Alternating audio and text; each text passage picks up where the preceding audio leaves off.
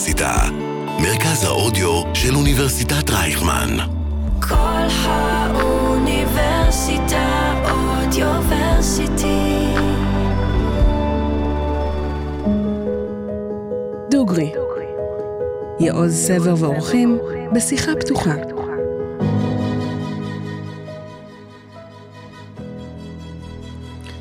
שלום לכם, אנחנו אה, כאן בפודקאסט אה, מספר 8 של דוגרי, אה, ואיתנו היום, כמו תמיד, אה, אורח אה, מיוחד, אה, איתו נדבר אה, כרגיל גם על אה, מה שהיה אצלו ובכלל, גם על מה שיהיה, וגם ננסה לשמוע ממנו על אה, יוזמה חדשה ומעניינת שאולי, הלוואי, תוכל לשנות את המדינה. אז אה, הוא היה אלוף בצה"ל, אה, הוא היה מנכ"ל התעשייה האווירית, ואנחנו אומרים שלום לאלוף במילואים אה, נמרוד שפר. שלום יעוז. מה שלומך? בסדר גמור, מצב מורכב, אבל, אה, אבל באופן אישי אני בסדר גמור. אה, אז קודם כל תודה שהסכמת לבוא בשמחה. אלינו היום. זה שבאופן אישי אתה בסדר גמור, זה לא משהו שבטל בשישים להגיד, זאת אומרת, זה רבים, רבים, רבים מתוכנו מסתובבים ונפגעו. אה, מבחינה משפחתית, אני מבין שיש לך ילדים שמסתובבים אה, בשטח או הסתובבו, וברוך השם, הכל... אה, כן, כולם בסדר, יש לי שני בנים שהיו הרבה מאוד זמן בעזה, ובת אחת שעדיין בשירות קבע. אה, כן, וכולם בריאים. ואיש מהם לא טייס.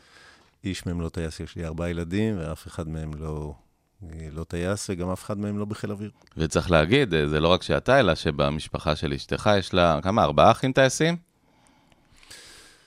אה, כן, יש לה ארבעה אחים טייסים, יש לה גיסים טייסים, ויש לה אחיינים טייסים, זה כבר... כן, ובעל טייס. שם, אה, וגם בעל טייס, כן. אז אה, בואו נספר קצת על ה... ממש בכמה מילים על השירות הצבאי שלך, אז בעצם נתחיל מה, מהסוף, כי תמיד הסוף הכי מעניין, אז בעצם סיימת את השירות כראש אג"ת. סיימתי את השירות כראש אג"ת אחרי כמעט ארבע שנים. לפני זה שורה ארוכה של תפקידים בכירים בחיל האוויר, כולל תפקיד ראש מטה חיל האוויר, שהוא למעשה סגנו של מפקד חיל זה האוויר. מספר 2 במטה, ומועמד מאוד בכיר לפיקוד על ה... כן, זה מספר שתיים במטה. בעצם אין מפקד חיל האוויר שלא עבר בתחנה הזאת. אבל יש כאלה כמוני שעברו בתחנה הזאת ולא נהיו מפקדי חיל האוויר. זה בערך אה, אחד לשניים כזה, נכון? כן, פחות אומרת, או יותר, אני אה, חושב. אחד נבחר אה, כן. להיות מפקד, ואחד או ממשיך לדרגת אלוף, או שהוא כבר בדרגת אלוף, או שהוא אה, פורש כן. בעצם. זהו, ולפני זה שורה ארוכה של תפקידי פיקוד בחיל האוויר, כולל פיקוד על בסיס רמון, ליד מצפה רמון, ופיקוד על שתי טייסות קרב, תפקידים במטה המבצעי של חיל האוויר, כולל אה, ראש מחלקת המבצעים, שהיה אחראי על כל המבצעים, על כל הפעילות מי המבצעית. שבעצם למעשה היום אה, מחליפך, המחליף של המחליף של המחליף של המחליף שלך, יושב אה, כל הזמן, 24/7, אה, בעצם כן, כל מבצעי החיים. עכשיו לגמרי, כן. אה, היום כבר התפקיד הזה הוא בדרגה יותר בכירה, וחיל האוויר שינה קצת את המבנה. אה, כן, אבל אם אפשר לקרוא לזה ככה, הקריירה הצבאית שלי בחיל האוויר הייתה סופר מעניינת. באמת, תפקידים אה, הכי טובים שאפשר היה לבקש. אה, סיימתי את קורס הטיס ב-1981 כטייס קרב, ומאז התקדמתי לאורך הדרך. אתה בחור צעיר? אה, אה, לא כל כך צעיר, בן 63. זה, אתה יודע. ראש הממשלה שלנו בן 74, אה, כן, אתה יש יודע, לי עוד 11 שנים, אתה אומר, כן. אה, לפחות, אם לא יותר. אה, כן, הרבה שנים בצבא, 38 שנים בשירות, וסך הכל... אה, הסתכלתי על תמונה שלך, אגב, ומדהים, אתה נראה יותר צעיר היום, ואני לא אומר את זה בשביל אה, להחמיא לך, אלא מה, משהו ירד מה- מהלב, מהראש? אני לא יודע, קודם כל, בשירות הצבאי אתה סוחב על הכתפיים הרבה מאוד, ממש, ובתפקידים שעשיתי, אני חושב שבכולם הייתי אה, כל הזמן מלווה ב- בהרגשת, אה, לא רוצה להגיד כבדות, אבל אחריות, יש לך הרבה על הכתפיים. אה, ויחד עם תחושת ההנאה והסיפוק שחוויתי בכל התפקידים, אתה מסתובב עם משהו על הכתפיים. אני חושב שגם השיער המאוד קצר של הצבא, כן. אה, הוסיף קצת זה לא שהיום אתה הולך עם. רסטות, אה, צריך להגיד. כן, אבל לא, זה ארוך כבר היום. זה בחייך. זה אני צריך להסתרק בבוקר. זה, זה, זה, זה לא פשוט, זה לא פשוט. צריך להגיד, פעם אה, איתן הבר כתב שחישבו ומצאו שהפלאפל הנוסף, על הכתפיים של הרמטכ"ל, מעבר לאלוף, זה 16 גרם, נדמה לי, אבל עולם ומלואו. כן, זה עולם ומלואו. אני, בלי שחוויתי את זה ממקור ראשון, אבל הרבה מאוד שעות עם רמטכ"לים, זה באמת מקום אחר. זה לא עוד דרגה, זה משהו לגמרי לגמרי מיוחד. אה, ואני חושב שהיום, בוודאי, אנחנו מדברים בימים שבהם האחריות שמוטלת על הרמטכ"ל ברורה לכל אזרח בישראל, אז בימים של שגרה אתה מתקשה אולי יותר להבין את זה. היום, בימים של מלחמה, אין אזרח בישראל שלא רואה עד כמה האחריות שמוטלת עליו היא גדולה, ו... ולא רק לחיי אדם, אלא באמת במידה רבה לאן נגיע. לגורל המדינה. נהיה, כן, ממש כך. ראית אתמול אה, בוודאי, אה, או שלשום, כמו רובנו, שראית קטעים מה, מהנאום, הנאום הקצר של הרמטכ"ל הרצי הלוי. אה, נראה, זה, זה לא מטאפורי, אפילו נראה באמת שהוא הזקין באחת. ודאי לבך יוצא אליו, ואני מניח שיש לך היכרות מסוימת איתו, הוא היה כן, זמן קצר היכרות... מקביל אליך במטכ"ל. יש לי היכרות כבר של כמעט 30 שנה עם הרצי הלוי. אה, באמת? אז ספר לנו. כן. לפני 30 שנה הרצי פחות או יותר אה, צעיר בסיירת מטכ"ל. נפגשנו ב... נפגשנו לפני הרבה מאוד שנים, כששנינו היינו הרבה יותר צעירים, סביב משימה מבצעית שהוטלה על סיירת מטכ"ל בשיתוף פעולה עם חיל אוויר. אמ, סביב איזשהו נושא מבצעי שמלווה אותנו הרבה זמן. לרוב, אגב, אם צריך להגיד עם מסוקים, לרוב השיתוף פעולה עם חיל אוויר. אה, ופה זה היה עם אה, מטוסי קרב, ואז נפגשנו פעם ראשונה, הוא הוביל את הפעילות הזאת בסיירת הוא מה, מצביא או מפקד הסיירת? הוא היה אז מפקד פלגה, והוביל את ה... מצביא, כאילו מפקד אה, מבצע, כן. הוביל את הפעילות הזאת, זו הייתה פעילות שהייתה כרוכה בהרבה למידה ופיתוח תפיסות חדשות ותורות חדשות, ומאז אנחנו די הרבה זמן ביחד. אני, אני מסכים. תראה, זה, זה קל לראות את, ה, את האחריות העצומה שמוטלת על כתפיו, אבל אני חושב שבארבעת החודשים האחרונים, מאז שהתחילה המלחמה ותפסה את כולנו בהלם, ובוודאי את מי שעומד בראש הפירמידה, אני חושב שבסך הכל הצרה תחתיו מתפקד היטב. והרמטכ"ל, יש לו את התפקיד שלו כרמטכ"ל, אבל גם יש לו תפקיד של מפקד כל הצבא. זאת אומרת, אחריותו לא רק לתפקד בסדר כרמטכ"ל, אלא שהצבא שתחת פיקודו כולו יתפקד בסדר, ואני חושב שבמלחמה הזאת אה, אפשר לראות את זה, שאחרי 7 באוקטובר, הכישלון המהדהד הזה, אה, הצבא בהחלט אסף את עצמו ומתפקד בחלק מהמקומות בדרכים שאני לא חוויתי בהרבה מאוד שנים, וגם אנשים מבוגרים ממני וותיקים ממני שמכירים את הצבא הרבה שנים אחורה לא ראו. וזה בהחלט אפשר להגיד לזכותו. בוא, בוא, אה, אתה יודע, כבר בוא, בוא ממש נלך לשאלה הזאת, למרות שזו אחת השאלות העמוקות יותר, אבל אה, בכל זאת גם עבדת בחברה ענקית, היית המנכ"ל של התעשייה האווירית בישראל. אה, אם, אם נקרא לה הרמטכ"ל לרגע מנכ"ל, הצבא, מי שמנהל אותו מעליו זה הממשלה וזה יושב ראש הדירקטוריון בנימין נתניהו. מה, מה קורה למנכ"ל שיושב ראש הדירקטוריון שלו אולי לא בהכרח מחפש את טובת החברה, אלא את טובת עצמו? ומה, ומה יכול לעשות הרמטכ"ל, בהנחה שהוא מבין את זה, והרצי הלוי, נגיד בעדינות, לא איש טיפש. תראה, לא, לא איש טיפש בכלל, אפילו ההפך. אמ, אבל יש פה יותר, אני חושב שההקבלה ליחס, ליחסי מנכ"ל יושב ראש דירקטוריון היא לא נכונה, כי האחריות של שניהם היא מאוד גדולה ומוחלטת לגורל ביטחון ישראל. אבל הרמטכ"ל, בעוד שהרמטכ"ל עסוק מאוד, כל יום, כל היום, במימוש המהלכים הצבאיים,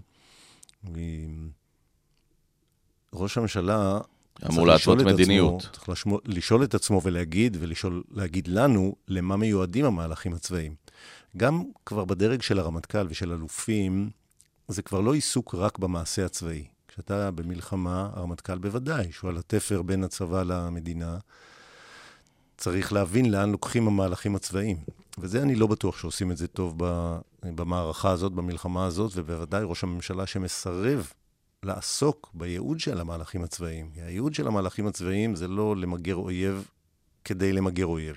ייעוד של מהלך צבאי במלחמה, בוודאי שהיא בסך הכל ביטוי... בסך הכל המשך של המהלך המדיני, או התחלה של המהלך המדיני. מדיני, כלשהו, וראש הממשלה באופן עקבי מסרב להגיד לאן הוא רוצה שמדינת ישראל תגיע, ולא אומר את זה. ולכן המאמצים של הצבא, תראה, אנחנו רואים את זה כבר עכשיו, הם, ואמר את זה הרמטכ"ל לפני שבועיים, אמר את זה שר הביטחון, מאמצי הצבא מתחילים להישחק לאט-לאט, כל ההישגים... אבל מה הבעיה? אתה מדבר בעצמך בתור אלוף במילואים, ואתם באמת, אתם... כשאני אומר אתם, הרי זה, זה לא שאתה דומה לאלוף אחר, אבל יש משהו, כל אלוף אה, בעולמו, וגם יש אלופים מזרועות שונות ומדיסציפלינות שונות ומחיים שונים, אבל גדלתם כולכם במערכת שבה בסופו של דבר נהוג להצדיע ו- ו- ולבצע. ו- וזה נכון, אני חושב, גם לגבי uh, טוראי, שהוא נמצא בבסיס הטירונים שלו, או טירון, וגם בסופו של דבר על אלוף, ואולי גם על רב אלוף. בסוף מצדיעים ומבצעים, הדרג המדיני קובע, או המפקד שמעליך קובע, ובזה נגמר הסיפור. לא, לא יושבים ומתווכחים uh, עד, uh, לא יודע מה, uh, עד זוב דם. ויש תחושה יותר מדי, והתחושה הזאת, אני צריך להגיד, אני הרגשתי אותה באופן אישי גם לפני ה-7 באוקטובר. זאת אומרת, הסתכלתי על הבחור הזה, הרצי הלוי, שהפנים שלו, יש לו פנים שאומרות הרבה. יש לו עיניים שאומרות הרבה, למרות שהוא לא, לא מדבר חזק ולא צועק ולא... וראיתי אותו סובל, ראיתי אותו סובל, ראיתי אותו מתחנן להיפגש עם ראש הממשלה אז באותו יום של עילת הסבירות, ב-24 ביולי 23, ממש, אה, מה זה, שלושה חודשים לפני, ה... אפילו פחות, חודשיים וחצי לפני 7 באוקטובר, והרגשתי שלא משנה מה יקרה, ולא משנה אה, כמה יעשו עליו מה שיעשו, אה, הוא יצדיע, יצא מהחדר, יגיד כן, אדוני ראש הממשלה, וייצא, ואולי זה קצת היה בעוכרינו. או שעדיין כן. בעוכרינו, סליחה. אה, זה נקודה סופר קשה. תראה, יש אה, אמירה שאומרת, אל תדון אדם עד שתגיע למקומו.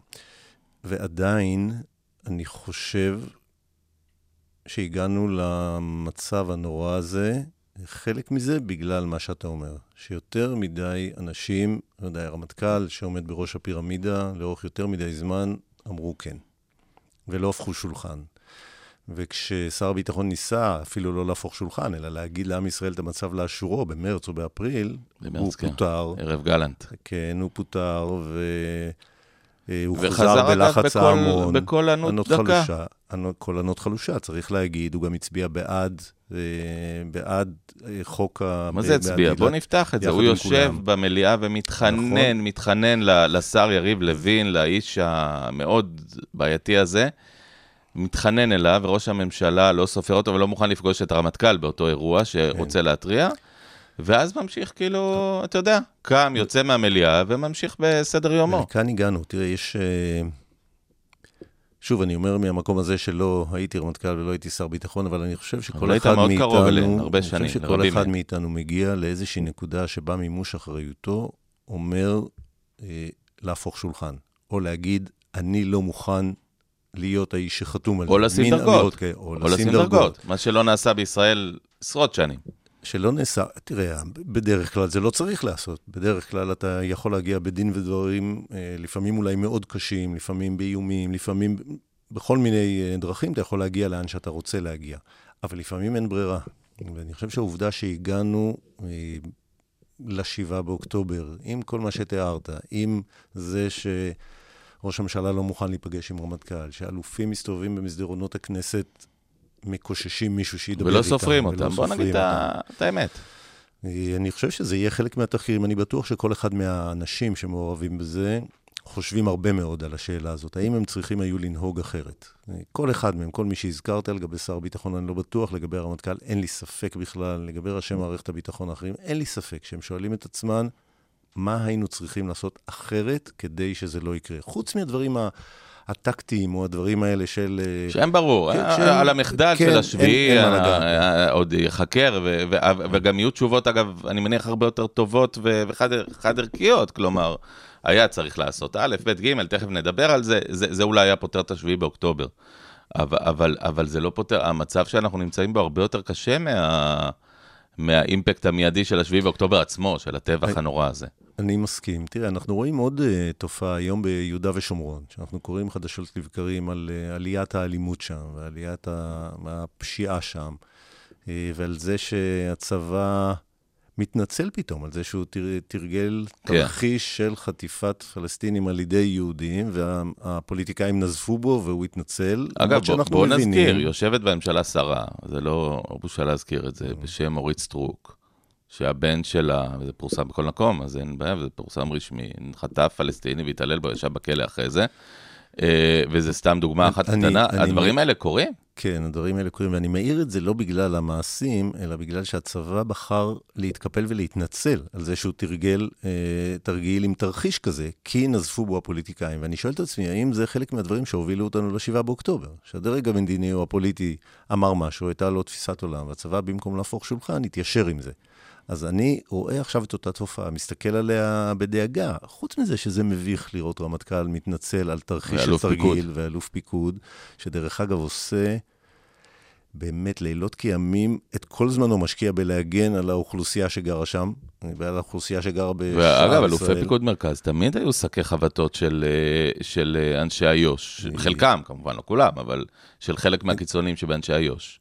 נכון, וגם של הדרג הפוליטי. כולל, בוא- בוא כולל נעזוב ניצן אלון, שעכשיו בוא זה נעזוב רגע. את אה, מתיישבי איו"ש, אבל כשזה מחלחל כבר לדרג השרים ולחברי הכנסת, אז אה, זה באמת, אה, זה תופעה רעה. ואם היא מובילה אותנו לבאמת תהליך התנצלות כזה, שהוא התקפלות בראייתי של הצבא, אז אני חושש שאנחנו צועדים באותו נתיב שהוביל אותנו ל-7 באוקטובר, שדרג פוליטי מנסה לממש פוליטיקה או סוגיות קואליציונית, זה אנחנו רואים על ראש הממשלה כל הזמן, והצבא מיישר קו במקום להגיד עד כאן.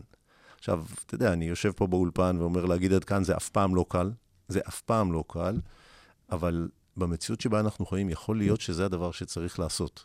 האם אבל עד כאן. חסר לנו העומק? כלומר, אני שוב, אם אני מסתכל שנייה מההיסטוריה, אז אני מסתכל מאז אולי יגאל ידין, שסירב אה, להמשיך להיות רמטכ"ל כי בן גוריון קיצץ בתקציב הביטחון, ועד לבאמת רמטכ"לים אה, ספורים שהתפטרו, פטרו אז אנחנו מדברים על דדו בעקבות הדוח, ואנחנו מדברים על דן חלוץ שסיים את התחקירים והחליט אה, לפרוש.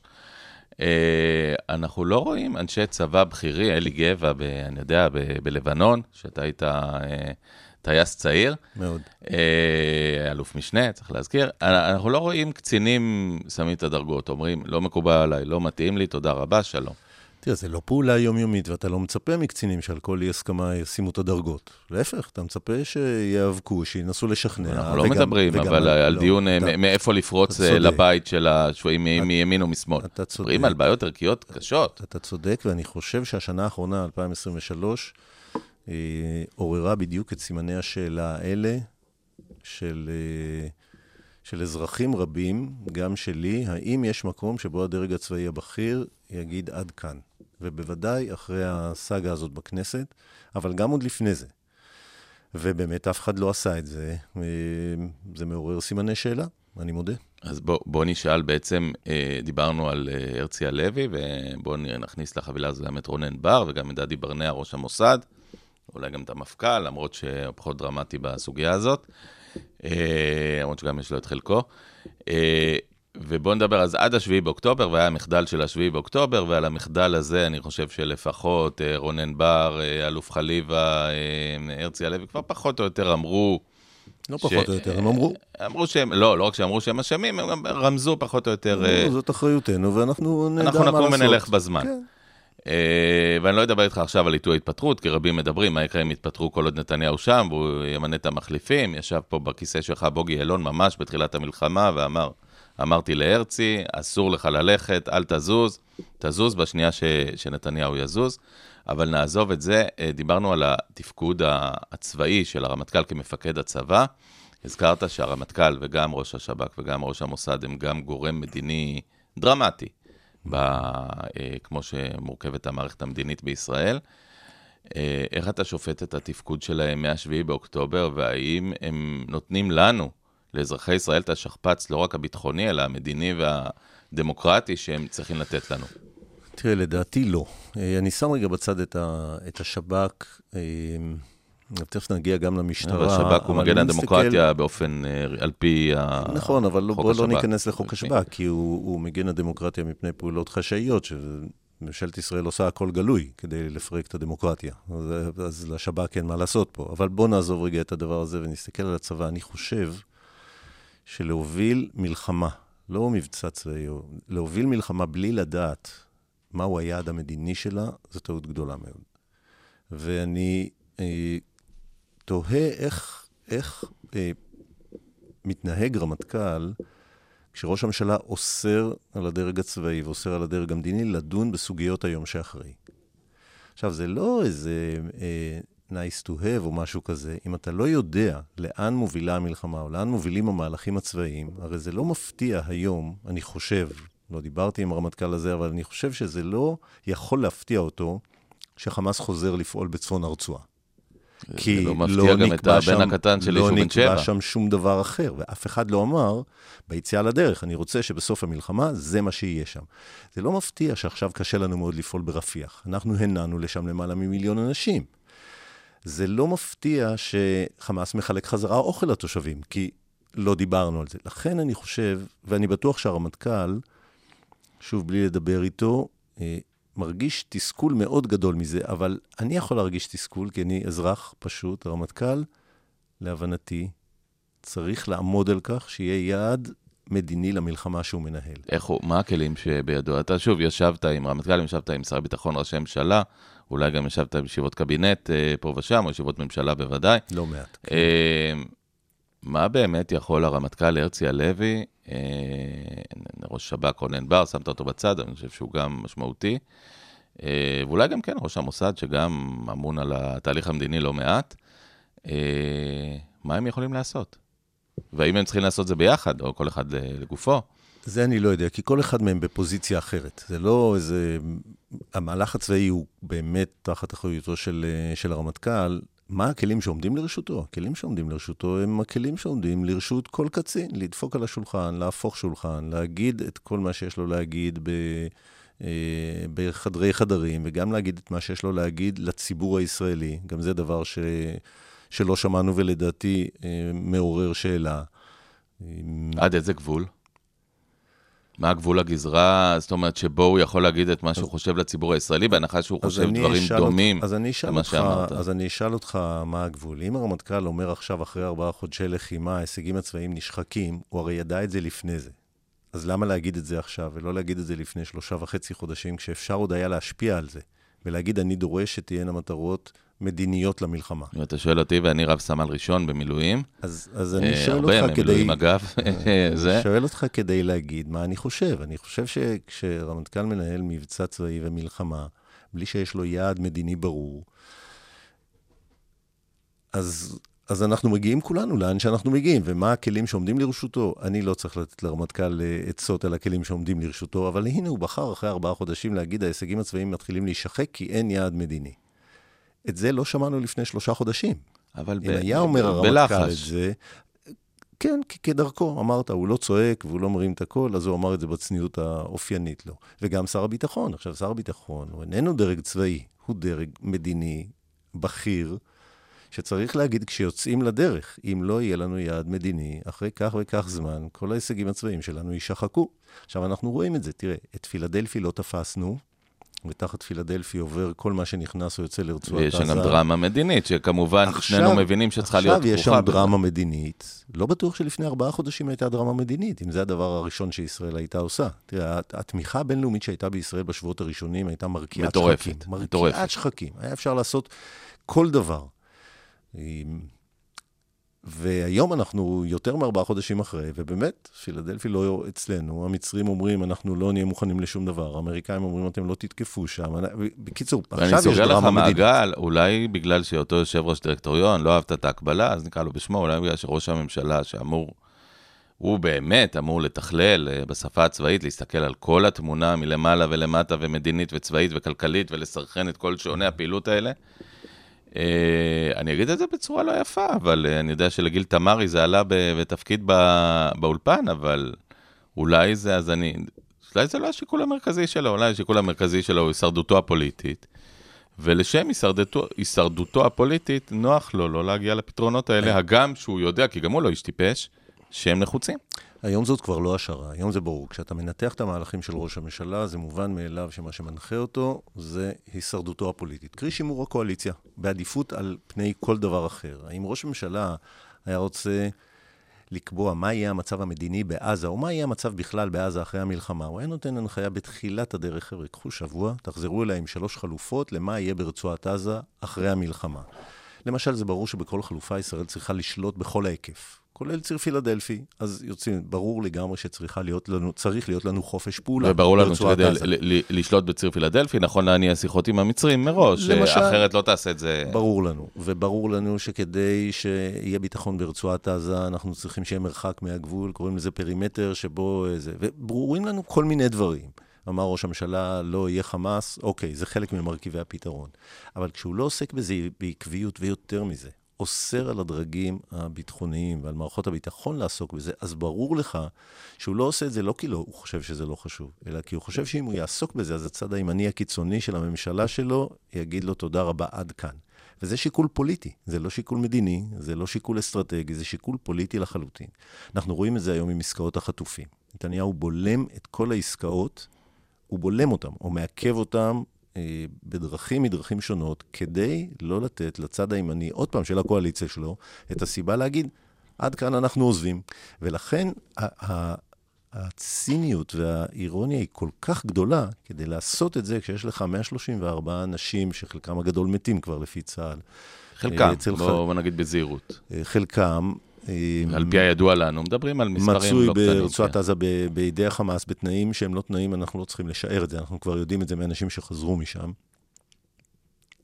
אז אתה, אתה רואה שהוא מעדיף באופן מובהק לגמרי את השרידות, וכשהוא לא נותן למשלחת ישראלית להציע הצעות ושולח גננת פוליטית שתשמור כן, עליהם, פלק, אתה כן. מבין כן. שכל מה שמניע אותו זה רק הרצון לשמר עוד ועוד את הקואליציה.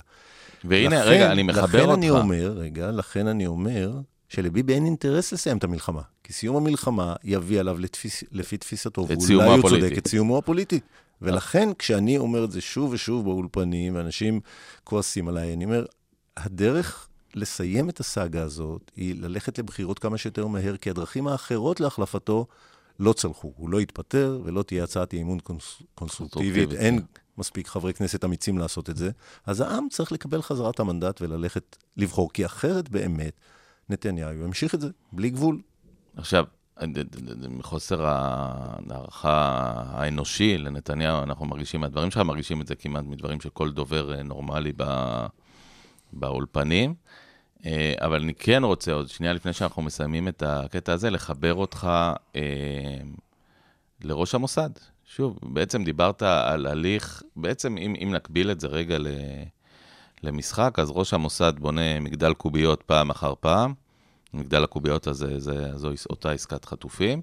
ובא נתניהו ו, ומעיף לו את המגדל, כמו שאוהבים לעשות הילדים הקטנים. אה, שאנחנו מכירים כולם, שאולי לך, נכדים עוד אין לך, שיהיו לך נכדים, אה, נאחל לך, או, או תינוקות יהיו, יהיו. קטנים, יהיו. ודאי. אני מנהל עם ארבעה ילדים, אני מניח שיהיה לך גם יותר מאחד. אז בעצם בא נתניהו ושובר לו באכזריות, ומפרק לו באכזריות את מגדל הקוביות. אז עכשיו, זה, זה, זה, זה תסריט שאנחנו לא, לא נוכל לערער עליו, כי אנחנו יודעים שהוא קורה. ולא קם ראש המוסד שאמור אה, לשרת אותי ואותך, הוא לא משרתו של נתניהו, הוא משרתה של מדינת ישראל, הוא משרתם שלי ושלך, בדיוק כמו שהוא משרתו של, אה, משרתה של ממשלת ישראל. ולהגיד, עד כאן, אני מבקש לעצור את התהליך הזה, שבו אני נשלח בשליחות ממשלת ישראל, בונה עסקה מאוד מאוד עדינה, ובא ראש הממשלה ומפרק אותה, כי באותו שבוע... אה, בן גביר או סמוטריץ' או איזשהו קיצוני אחר מהממשלה שלו, מאיים לפרק לו את הממשלה. מת, מתי ראש המוסד קם ואומר, חבר'ה, עד כאן? תראה, אה, אתמול או שלשום, אלוף ניצן אלון, שמוביל את כל מערך המודיעין. הוא קם ואמר כאן. הוא, הוא אמר בצורה עדינה, כמו שמאפיינת אותו, איש מקסים, אנחנו מכירים הרבה שנים גילוי נאות, אני מאוד מאוד מעריך אותו. הוא פשוט לא נסע. הוא אמר בצורה עדינה, כך אני מפרש את זה, לא דיברנו על זה, אבל כך אני מפרש את זה. אבל אני רוצה רגע לעזוב את ראש המוסד וללכת לשני אנשים שלהערכתי אצלם המפתח.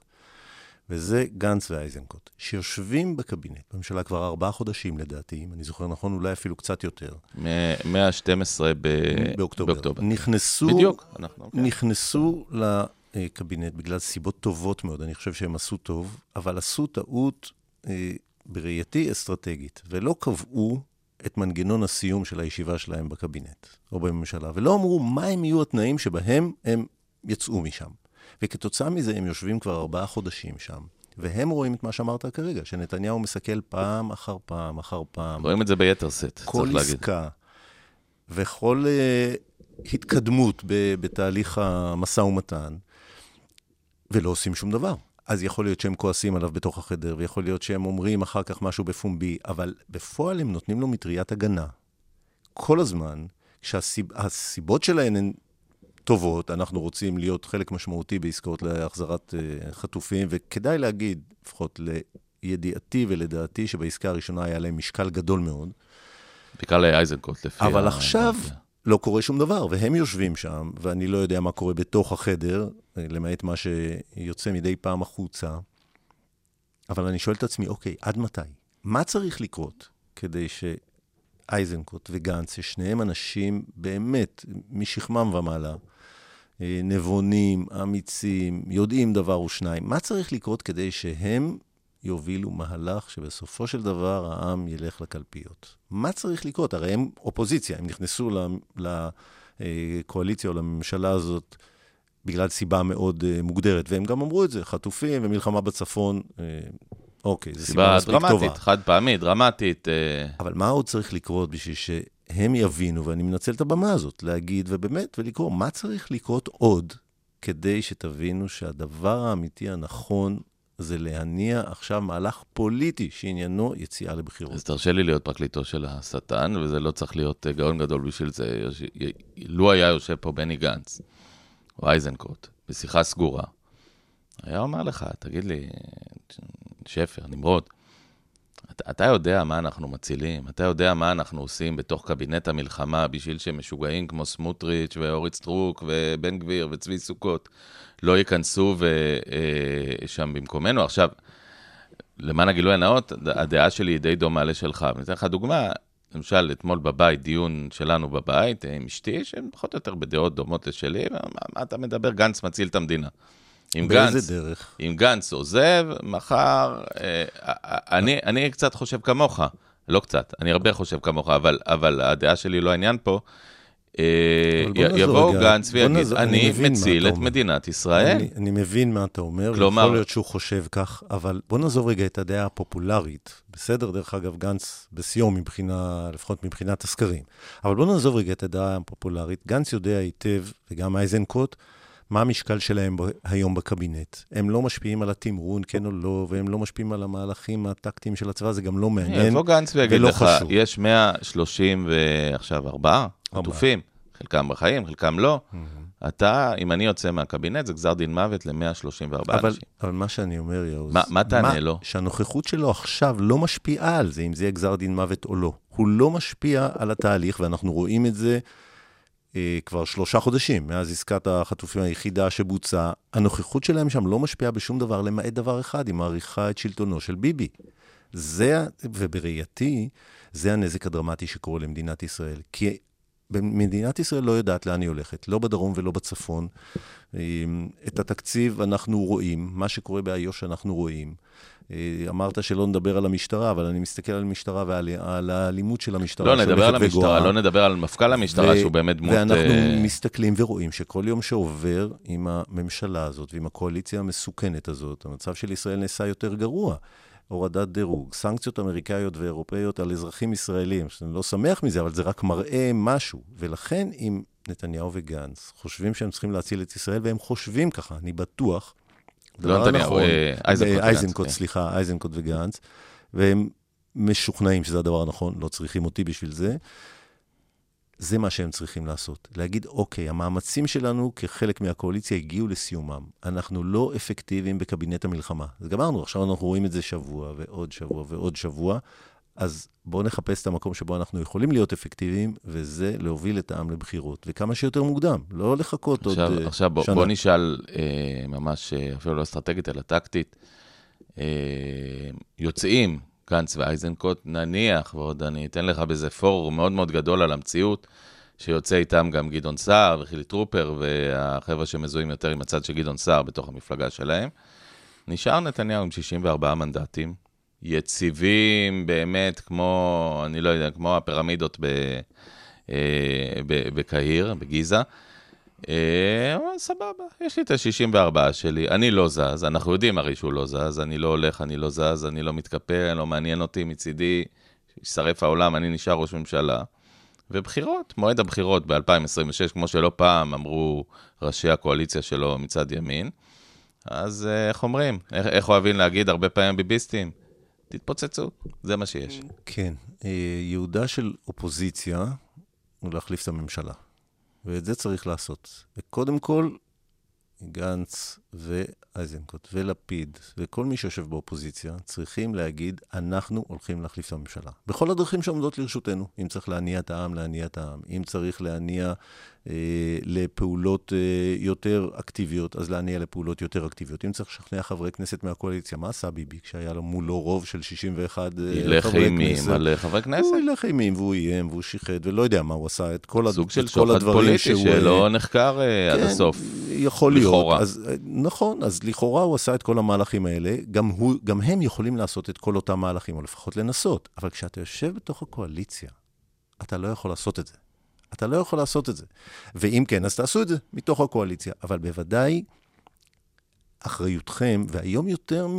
מ מכל מציאות אחרת שאני זוכר או מכיר, יש את הממשלה הכי מסוכנת בתולדות מדינת ישראל, במצב האסטרטגי הכי מורכב. זה לא, זה לא ימים כתיקונם. זה המצב שלנו מורכב בכל הגזרות, באמת, בכל הגזרות, מרחוק, מקרוב, ממזרח, ממערב, בגזרה הכלכלית, בגזרה החברתית. העם מפורק, מפורד כפי שלא היה מעודו, ואני שם רגע בצד את המילואימניקים שנלחמו, וזה באמת מלכד את uh, כולם. אבל תראה מה הם אומרים. אגב, אבל הם יוצאים החוצה, והם נתקלים באותו כולם מקום. תמיד, תמיד נכון. אה, מאוחדים, זה לא נכון. חדש. כמו שאומרים מה- שבשוחות אין אה, אתאיסטים. אה, אה, בשדה הקרב תמיד כולם היו מאוחדים, זה לא חדש. אותי- כשאתה שואל אותי מה אני אומר לגנץ ולאייזנקוט, אני אומר להם, צאו משם, ועכשיו תניעו מהלך פוליטי לבחירות. זה ייעודה של אופוזיציה, בטח במצב כל כך מורכב. ממש כך. עכשיו, אה, בוא, בוא נסגור רגע את החלק הזה, ואני רוצה שנייה לחזור איתך אחורה למה שאני מתחיל בו לרוב את הפודקאסטים אה, מאז אה, 7 באוקטובר, אה, שבעצם הפודקאסטים שלנו התחילו במסגרת חרבות ברזל.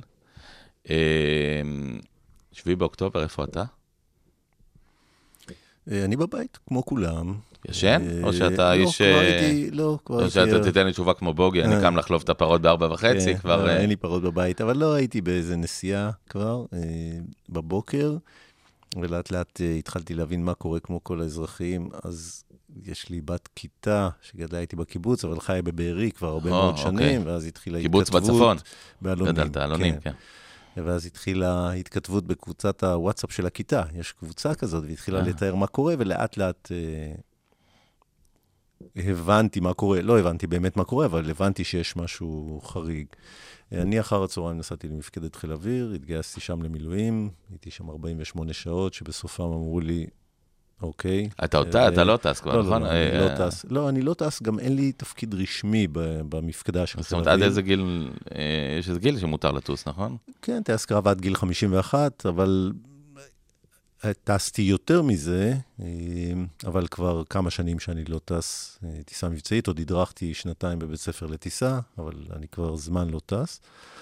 אז הייתי 48 שעות במפקדת חיל אוויר, ואז התברר לי שכבר כולם הגיעו. האמת שמפקדת חיל אוויר, המפקדה המבצעית הייתה מאוישת במלואה אחרי שעות ספורות. כולם הגיעו וממש איישו את כל הנקודות.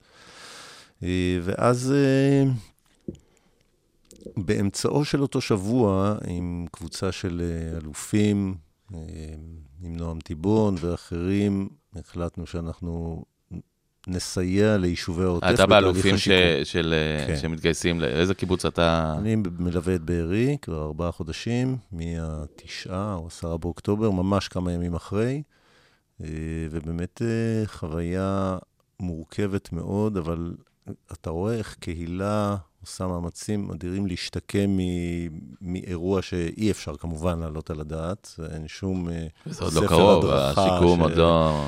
הוא הם כבר. בתהליכי שיקום, תראה, מי שמסתובב היום בבארי רואה קיבוץ אה, די תוסס וחי עם הרבה מאוד אנשים כל יום הוא שעובדים שם. פחות שרוף מהקיבוצים האחרים? לא, הוא שרוף הוא גם. אחי, הוא הוא כמעט. אחי. הוא שרוף. בבארי שליש מהבתים הוצתו. הושמדו, וכאילו, ההרס שם הוא עצום, ועדיין הקהילה היא בתהליך שיקום מורכב, אבל אתה רואה כבר קיבוץ, הענפים עובדים, אה, חדר אוכל פעיל, המפעל פעיל. כמה חטופים עוד יש לקהילה? אה, בערך. אה. שמונה, אני חושב, משהו כזה, אני לא זוכר את המספר בדיוק.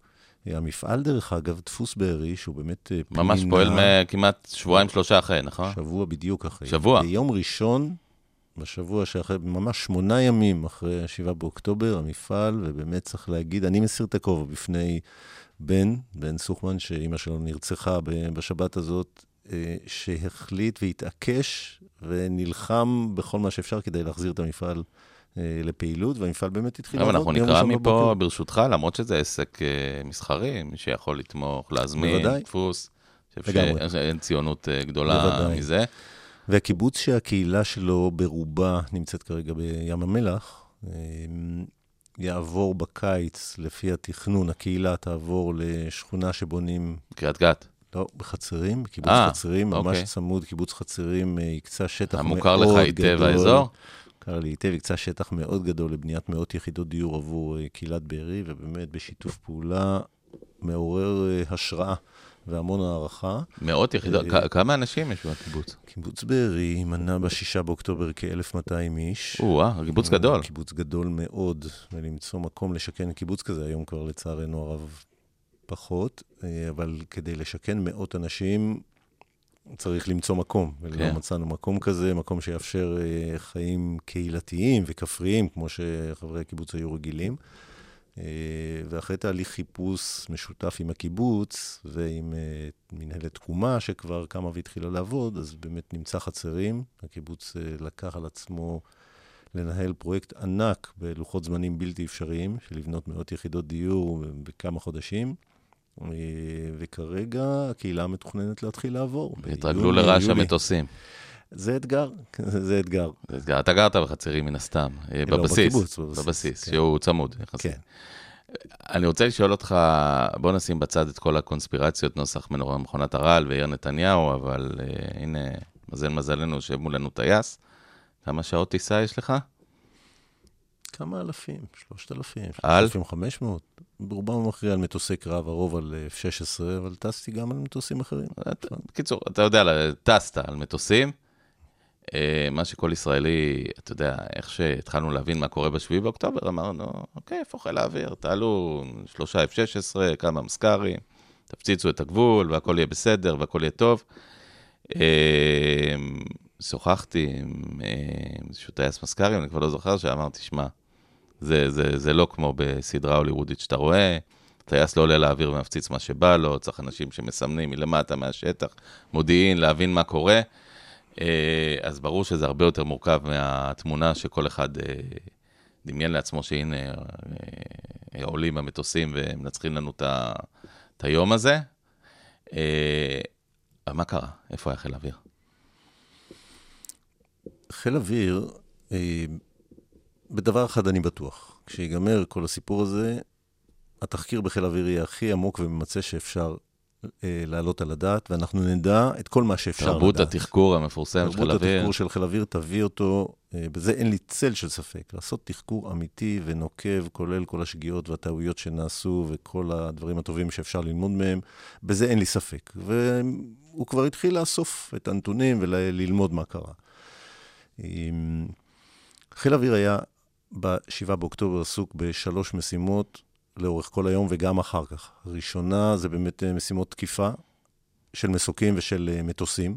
תקיפה. של, תקיפה של אה, כל מה שהם יכלו, אנשים, כלי רכב. צריך להגיד, תקן אותי אם אני טועה, מטוסי קרב, גם אלה שמפטרלים, as we speak, בשמי המדינה, ויש כל הזמן מטוסים בשמי המדינה, כלומר, נכון, 24/7, 365 יום בשנה, יש איזשהו מטוס ישראלי באוויר, מן הסתם מפטרל, הם לא אה, מחומשים ל, אה, להפצצה. לא, בכלל לא. זה מה שאנשים לא מבינים, הם- הם לא, מחומשים. ליירוט, לא להפצצה. למ- למשימה שנקראת הגנת שמי המדינה, שזה הפלת כלי טיס מסוגים שונים שיכולים לאיים על המדינה. ואלה אותם מספר, לא ננקוב עכשיו במספר, אבל אותם מספר מטוסים, שהכל מתחיל ב-7 בבוקר, הם באוויר, אבל הם לא יכולים לעשות כלום.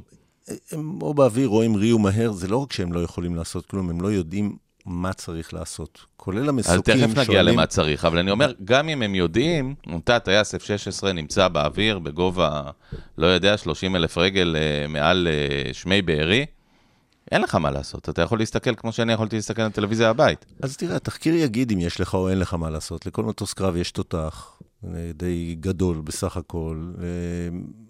אנשים אומרים שמטוסים יכולים לעשות, לא אנשים אומרים, מטוסים יכולים לעשות יפים ולהפחיד, אבל כשאתה לא יודע מה אתה צריך לעשות, אז, אז אתה לא תעשה, כי אתה באמת לא יודע.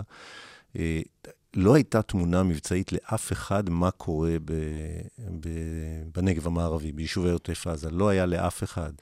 ולכן מטוסים, בוודאי מטוסי קרב שצריכים לקבל הכוונה, או ככה הם עובדים. מי שאומר להם, תשמעו, זאת המטרה, בואו תתקפו, או זאת המשימה, בואו תעשו. אה, בשלבים המאוד ראשוניים היו פחות אפקטיביים, אבל אחר כך, מהר מאוד, כדאי להגיד, שמטוסי הקרב של חיל האוויר הפציצו אה, לאורך כל הגדר ותקפו אה, מחבלים שחזרו, הרבה דברים כאלה. אבל מחבלים בעצם חזרו עם, אה, בחלק מהמקרים אזרחים, ואני מבין שזאת הייתה הבעיה כן, של ה... חלק כן וחלק לא, אני מניח שהתחקיר יגיד את זה, הרוב חזר בלי. אזרחים, היו אלפי מחבלים שחצו את הגדר. קודם כל, הרוב, אני חושב, לא חזרו כן, בכלל מהמחבלים, נכון, לפי ה...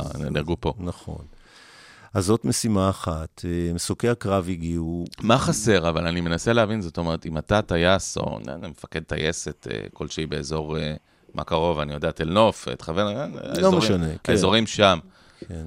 מה, מה חסר לך? זאת אומרת, אתה שולט עכשיו, לצורך העניין, בסתם, אני זוכר, 10, 15 מטוסי קרב, עם טייסים המיומנים ביותר בעולם, ועדיין, אני מניח שאתה רוצה לעזור, בוא, כל מפקד בחיל האוויר רצה בכל ליבו לעזור לנושא הזה, וידך קצרה מלהושיע כי...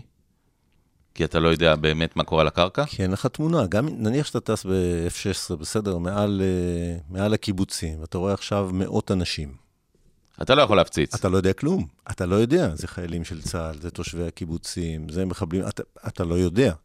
ולכן, השאלה איפה היה חיל אוויר שנקבל עליה תשובה, אני בטוח, אה, היא שאלה מורכבת למתן תשובה. גם המסוקים, שהם טסים הרבה יותר נמוך, התמונה שלהם המקומית היא יותר טובה. גם הם נתקלו בסימני שאלה עצומים, הם רואים קרבות בתוך היישוב. במי אני יורה? איך מי זה מי? מי זה מי. קשר לא היה להם עם הכוחות, חלק גדול מאוד מהתקשורת הייתה בכלל בפלאפונים. למה? כי זה בעצם, בוא, בוא נסביר פה, הרי קיימות היום, לא נפר פה צנזורה, אבל קיימות מערכות uh, שליטה ובקרה מאוד מאוד מסודרות בין קרקע לאוויר. נכון. אתה כקצין אוויר אה, מיומן, ידעת לקבל את ההכוונה שלך. אנחנו רואים את זה גם עכשיו במלחמה, ו... יש קשר מאוד יעיל ואפקטיבי בין כוחות הקרקע לכוחות... באותו יום זה לא היה בעצם כי היחידות היבשה על הקרקע לא היו אורגניות, אלא יחידות שהורכבו מן הגורן ומן היקב. כן, לפעמים לא יחידות, פשוט אנשים שרצו להילחם. כלומר, אתה אומר שאלוף על... טיבון נמצא כן, בכניסה לקיבוץ של, של אמיר, חברי, כן. נמצאים על זה, אין, אין לו שום דרך לכוון את המזכר שמעליו. יש לו פלאפון, וחלק מהמקומות דרך חבר שהכיר חבר, תקשרו עם מסוקי קרב או מסוקים שהנחיתו כוחות או פינו פצועים, והיה צריך להכווין אותם. אבל הכל היה מאוד מאולתר, כי קודם כל על הקרקע הייתה לחימה מאוד מאולתרת. עד שהגיעו כוחות אורגניים ראשונים לקח הרבה מאוד זמן. אז מי שהגיע, הגיע. אה, וראה עליו, לפעמים מעליו מסוק, ולא היה לו שום, לא הייתה לו שום דרך אה, לכוון אותו, לתקשר איתו, ולכן היה המון אלתור, גם באוויר וגם על הקרקע, אה, ובחלק גדול מאוד מהמקרים שאני מכיר, אלתורים מאוד אפקטיביים. למשל, מסוקים שהביאו כוחות ותקשרו עם אנשים, באמת מחבר שהרים פלאפון ואמר, טוב, תגיד למסוק, או, או הנחתת כוחות, או פינוי פצועים, אה, אבל הבלבול היה כל כך גדול על הקרקע, ולכן ולכן, בחלק גדול מהמקרים הייתה אפקטיביות נמוכה, ויחד עם זאת צריך להגיד שבהרבה מאוד מקרים הייתה אפקטיביות מאוד גדולה. אני חושב שחיל אוויר... בעיקר של מזכ"רים או גם של מטוסים גם פחות, נכון? גם של מזכ"רים, גם של כלי טיס בלתי מאוישים, של כטב"ם. הייתה אפקטיביות מאוד גדולה. אני חושב שכשהמספרים התגלו... אז זה שאלות איפה חיל אוויר, התבררו שחיל אוויר אה, הרג מאות מחבלים, אולי אפילו יותר, מאות רבות של מחבלים ביום הזה. מה, בדרכם חזרה? על השאלה? חלק, חלק בדרך פנימה, הם המשיכו הרי בגלים אה, לאורך שעות, חלק בדרכם פנימה, חלק בדרכם החוצה, חלק בתוך היישובים כשכבר היה קשר. אז השאלה הזאת תקבל מענה, ואין לי ספק שגם במקומות הפחות נוחים חיל אוויר ידע להגיד, אה, פה פישלנו. פה היינו צריכים להיות הרבה יותר טובים, ובמקומות שהוא היה טוב, הוא יגיד, אוקיי, הייתי טוב, אבל הייתי יכול להיות טוב יותר אם הייתי עושה א', ב', ג'.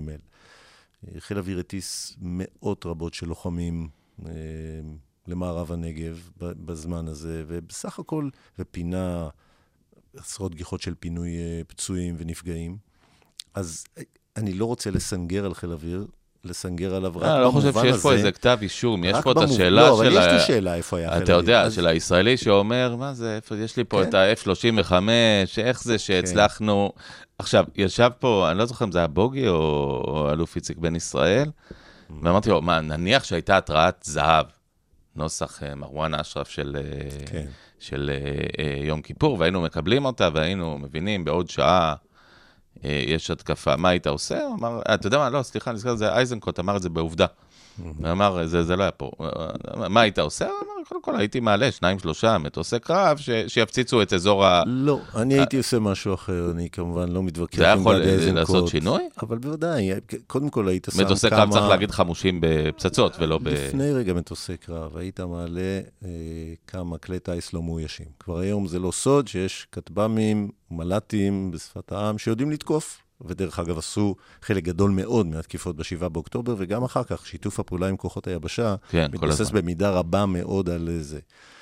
אז אני מניח שכל מפקד בחיל אוויר היה... מה שפעם קראנו מזדק בתקופתי במפת, מזלתי תקיפה. כן, כן, אז אני מניח שכל מפקד בחיל אוויר שהיו אומרים לו, זה היה קודם כל מעלה כמה לאוויר, ואומר, בואו תראו, ת, ת, תפטרלו, תראו מה צריך לעשות. אולי אה, מסוקי קרב, זוג או שניים. יש מלא מלא מה לעשות לפני מטוסי קרב, כי... האפקטיביות של מטוסי קרב במשימה כזאת, שהיא בעיקר אנשים, היא, היא פחות גבוהה, יותר נמוכה. הם טסים גבוה, הם, היכולת שלהם להבחין באנשים בכלל היא הרבה יותר נמוכה.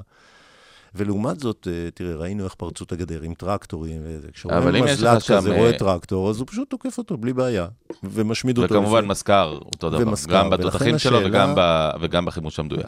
ולכן השאלה מה היינו עושים, יש עליה הרבה תשובות, ובוודאי שאם צה"ל היה נותן... גם לעצמו וגם על הקרקע. מספיק שהחיילים היו ערים ו- נכון. ובעמדות כבר המצב. אז אני מניח שזה חלק מהתפקיר. אבל בוא נגיד שלהקפיץ, להעביר את האוגדה מאיו"ש לזה, מסובך. לוקח זמן, אולי לא היה פותר. אבל התראה של שעה לחיל האוויר, אמיתית, התראה אמיתית של מה הולך לקרות. אני מעריך שהייתה יכולה להיות מאוד אפקטיבית. הייתה בעצם יכולה לנעול את, ה, את הגדר, את הגבול? לא יודע אם לנעול, לנעול זו מילה קצת חזקה מדי. אה, אבל אם היו, אה, אבל אם פרצו 3,000 מחבלים במאות, בעשרות נקודות אה, פריצה, אז יכול להיות שהיו... 25 נדמה לי, כן, 35. אולי כן. יותר אפילו. אז יכול להיות שהיו פורצים בהרבה פחות נקודות, אולי בבודדות, והרבה הרבה פחות אנשים, שזה היה משפיע בצורה דרמטית. דרמטי. התראה של שעה לפני הייתה גם על הקרקע וגם, מספיק שכל החיילים היו ערים באמת, היו אומרים להם כולם לעמדות. מוכנים ולא ישנים. כוננות עם שחר, מה שאנחנו כן. קוראים. אז אין ספק שההתראה של אה, מה שאתה אומר שעה מראש הייתה משנה באופן משמעותי מאוד את, ה, את המציאות, אבל בסדר. כמה אגב אותה, אה, ושוב, אנחנו לא יודעים, אנחנו, אולי אתה יודע קצת יותר, כי אתה מדבר עם חלק מהאנשים, אבל כמה אותה שיחה לילית, ש, שאנחנו מבינים, אגב, אלה מאיתנו שלא קונספירטיביים, מבינים שהייתה שם התראה נקודתית על אירוע נקודתי, ולכן שב"כ הרימו, הקפיצו צוות טקילה לאזור הנקודתי שהייתה התראה. כמה לו היה משותף באלוף תומר בר, מפקד חיל האוויר, היה אולי מסוגל אה, לעשות משהו אחר, או שאתה אומר, לאור גודל ההתראה כפי שאנחנו מניחים, גם הוא לא היה... אני אה, לא יודע אם זה היה... הוא לא היה מקפיד שם טייסות. לא יודע אם זה היה משנה משהו, כי אם מישהו היה חושב שצריך להגביר כוננות בחיל אוויר, אז היו אומרים לו, תגביר כוננות בחיל אוויר, או היו משתפים אותו בשיחה, אני לא יודע את הפרטים, אבל אני מניח שבגלל שרמת ההתראה הייתה לא גבוהה, אז כולם היו פחות או יותר ברמת התראה לא גבוהה. אז אני לא חושב שזה קשור בהכרח למשתתפים בשיחה. מדברים על ה... אה, בהקשר הזה על, ה... על הקונספציה, ואנחנו כל הזמן אוהבים גם להשוות אה, ליום כיפור, בעיקר בהתחלה, בגלל הסמיכות המזעזעת של 50 שנה ויום, ויתר הדברים. אה, קצת כמו ביום כיפור, הרי אנשים שוכחים, ביום כיפור לצה"ל הייתה את התוכנית או לא יודע, לא כולם שוכחים, אבל את התוכנית המלאה של אותם תרגילים של המצרים, שבסופו של דבר הם ביצעו. צה"ל ראה תרגילים אין ספור של המצרים, פשוט שפט אותם כתרגילים. אותו דבר קרה עם החמאס, זאת אומרת, אותו סיפור של התצפיתניות שרואות דברים, אה, אני חושב להגיד, אני באופן אישי פחות התרגשתי מזה, כי הם רואות דברים שאני חושב שידועים לראשי מערכת הביטחון ולכולם, שצה"ל, ש, שחמאס מחומש עד שיניו, היות והעברנו לו הרבה כסף, והיות ואנחנו יודעים שהוא לא השתמש בהן לבניית בתי חולים ותינוקיות.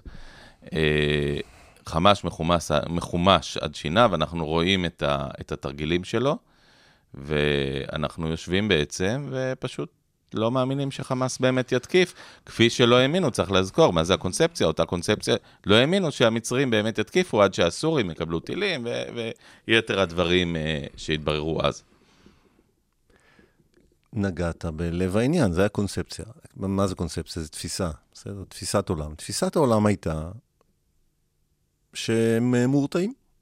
אז כשתפיסת העולם שלך היא כזאת, כמעט כל מה שאתה רואה מחזק את תפיסת העולם ולא אה, מחליש אותו. לא, כמו בכל דבר בחיים. כמו בכל דבר בחיים. היו אנשים באמ"ן, גם תצפיתניות וגם אנשים בחטיבת המחקר שאמרו, היו, יש את... אה, את הנגדת ו' הזאת המפורסמת, כן. ויכול להיות שהיו אחרים, אני לא מכיר את כל הפרטים. אבל שוב, גם אבל... מה שהם אמרו, הם, הם, הם הראו הכנה, הם, הם לא ידעו לדבר על כוונה לא, ודאית, לא, לבצע. לפי מה שאני קראתי בעיתונות, ושוב, המקורות שלי בעניין הזה הם תקשורת uh, גלויה, מה כן. שהיא אמרה, זה נגמרו לנו הסימנים המתריעים. מה זה אומר הדבר הזה? זה אומר שבמצב הזה, הם יכולים לצאת לדרך למתקפה, בלי שנדע לפני זה שהם יוצאים למתקפה.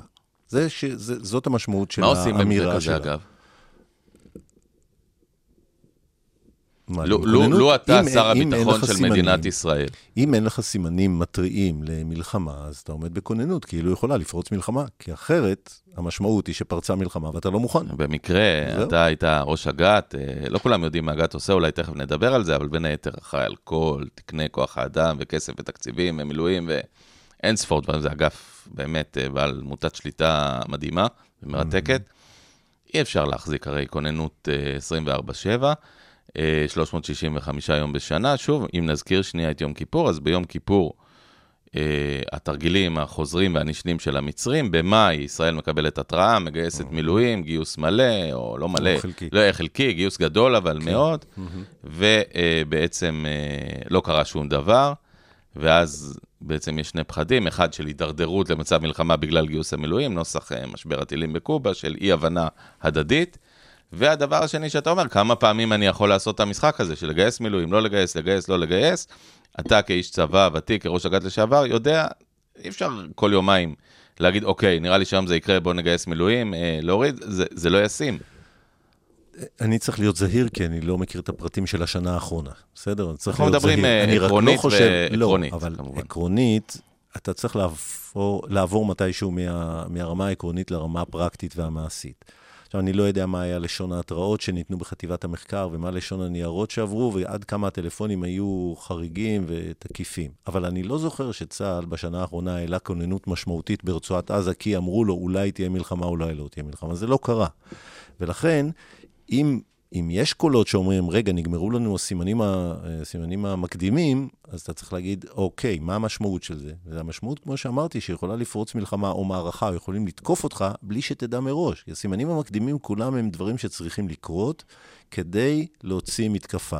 בסדר? היערכות כוחות, לוגיסטיקה, פין, לא משנה, כל מיני uh, דברים. עכשיו, את שיקול הדעת, תראה, אמר ראש אמ"ן בעצמו, כשלתי במשימה הזאת. אז אני מניח שחלק מזה זה ההבנה שב...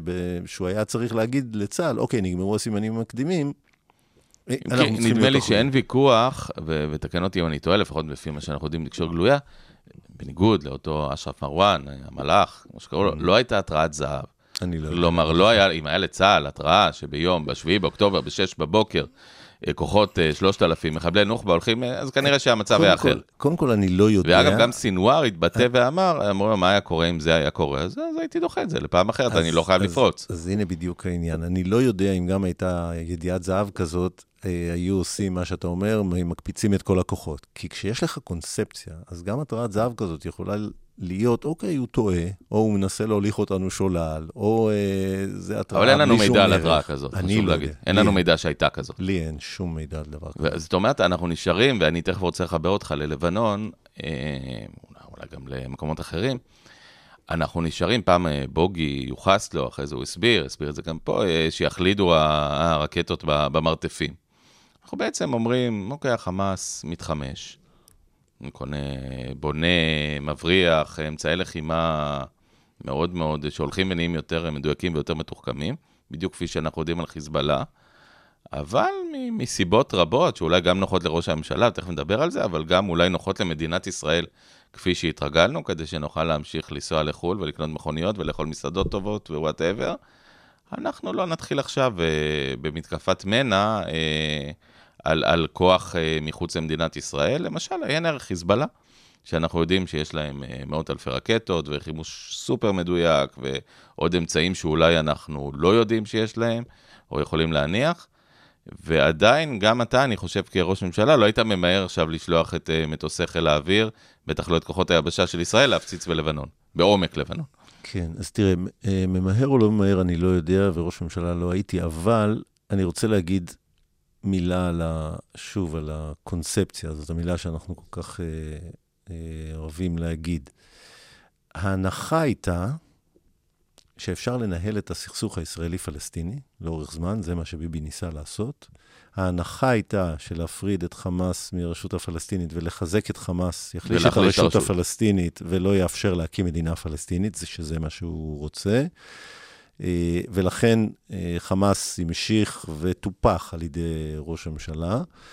אה, והדבר הזה נשבר בקול, בקול רם מאוד ב-7 באוקטובר. אי אפשר לעשות את זה. זו הקונספציה האמיתית שנשברה. זאת הקונספציה האמיתית. עכשיו, כשאנחנו מדברים על מה עושים עם איומים, לפעמים מדינת ישראל מפעילה כוח בלי להגיד לאף אחד ובלי לשלב, לשתף אף אחד. אה, עשה את זה בגין ב-81 ב...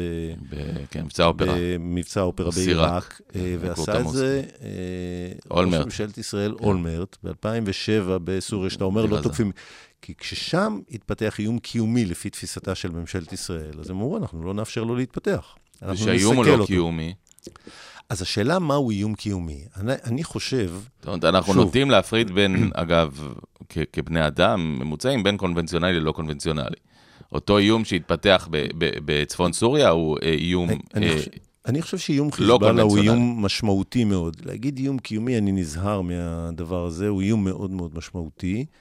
אה, שמדינת ישראל טיפלה בו ב-2006 אחרי המלחמה, באמצעות החלטת מועצת הביטחון שלום 1701, מקרים שהייתה החלטה טובה בסך הכל, שאפשרה מרחב בטוח בעצם דוגמה למעשה בין... מדיני שמתלווה למעשה מלחמתי אה, ומביא פתרון סביר לאורך זמן. בדיוק, והוא פתרון סביר בתנאי שאתה מקפיד על מימושו. מה שישראל לא עשתה ושותפותיה בעולם לא עשו, ובעצם ההחלטה 1701 לא מומשה. אני מסתכל על זה ביחס להחלטות אחרות שמבצרות את ביטחון ישראל, למשל השלום עם uh, מצרים.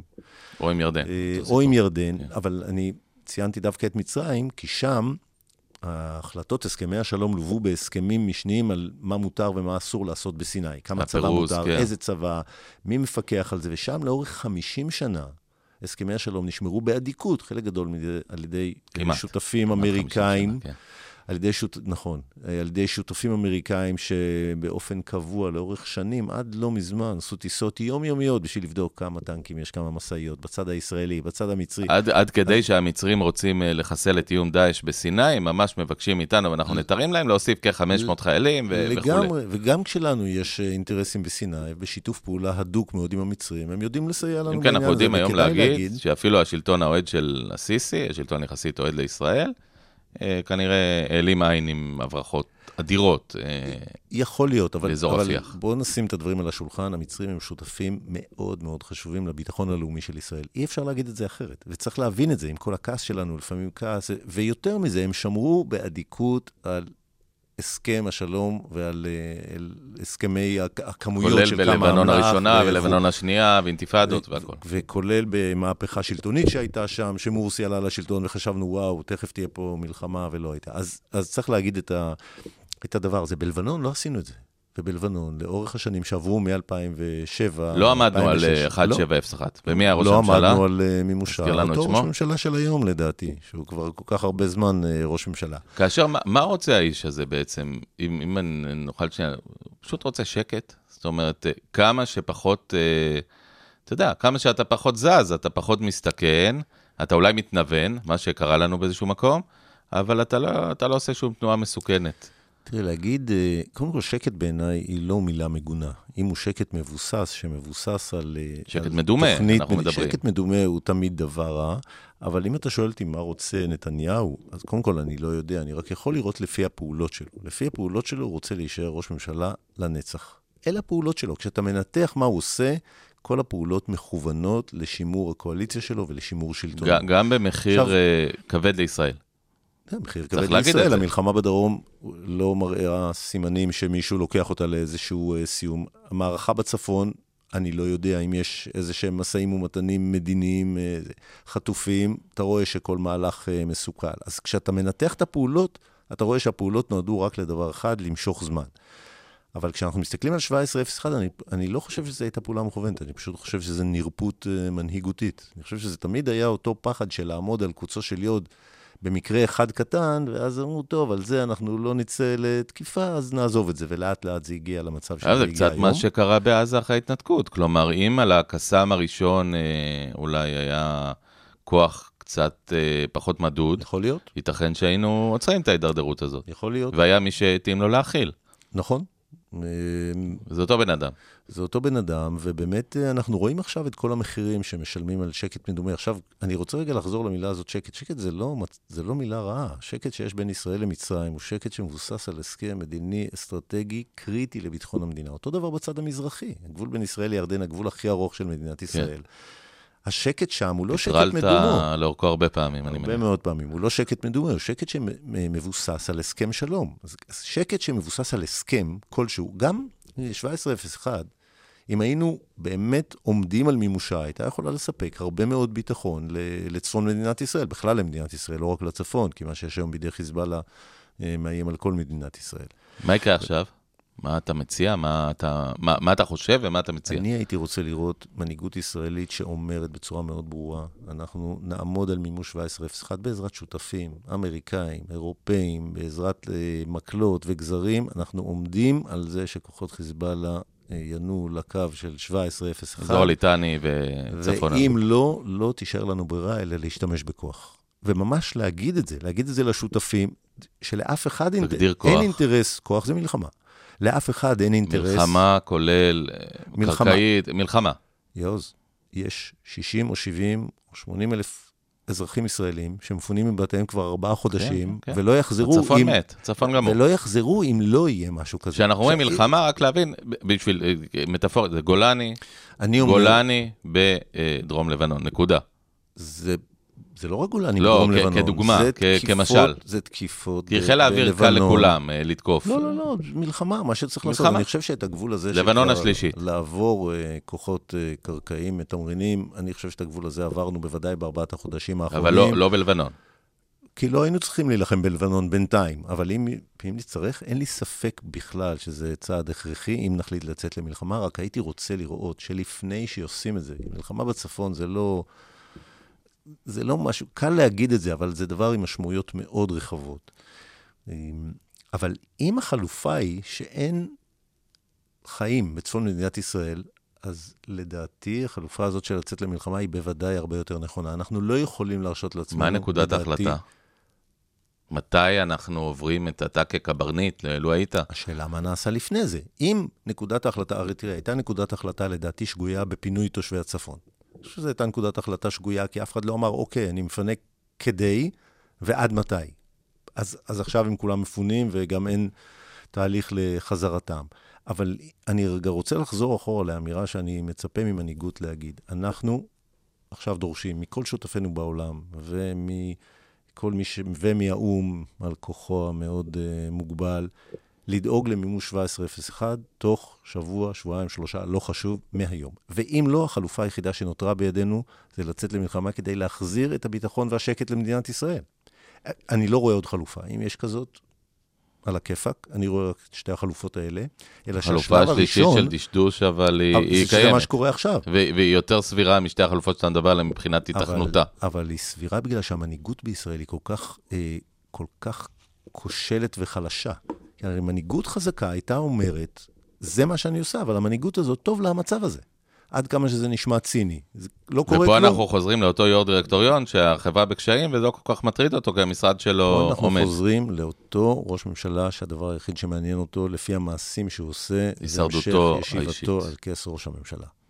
זה הדבר, ואפשר להגיד שזה ציני, זה לא נכון, זה... כ- כשאתה מנתח את המעשים ואת הפעולות, הם כולם, כולם מובילים לאותו מקום. איך יש, אגב, עדיין, על פי סקרים אמינים, ולא סקרים של ערוץ 14, כ-16, 17, 18 מנדטים, שהם מהווים, אני יודע, בסביבות 700 אלף איש, ש...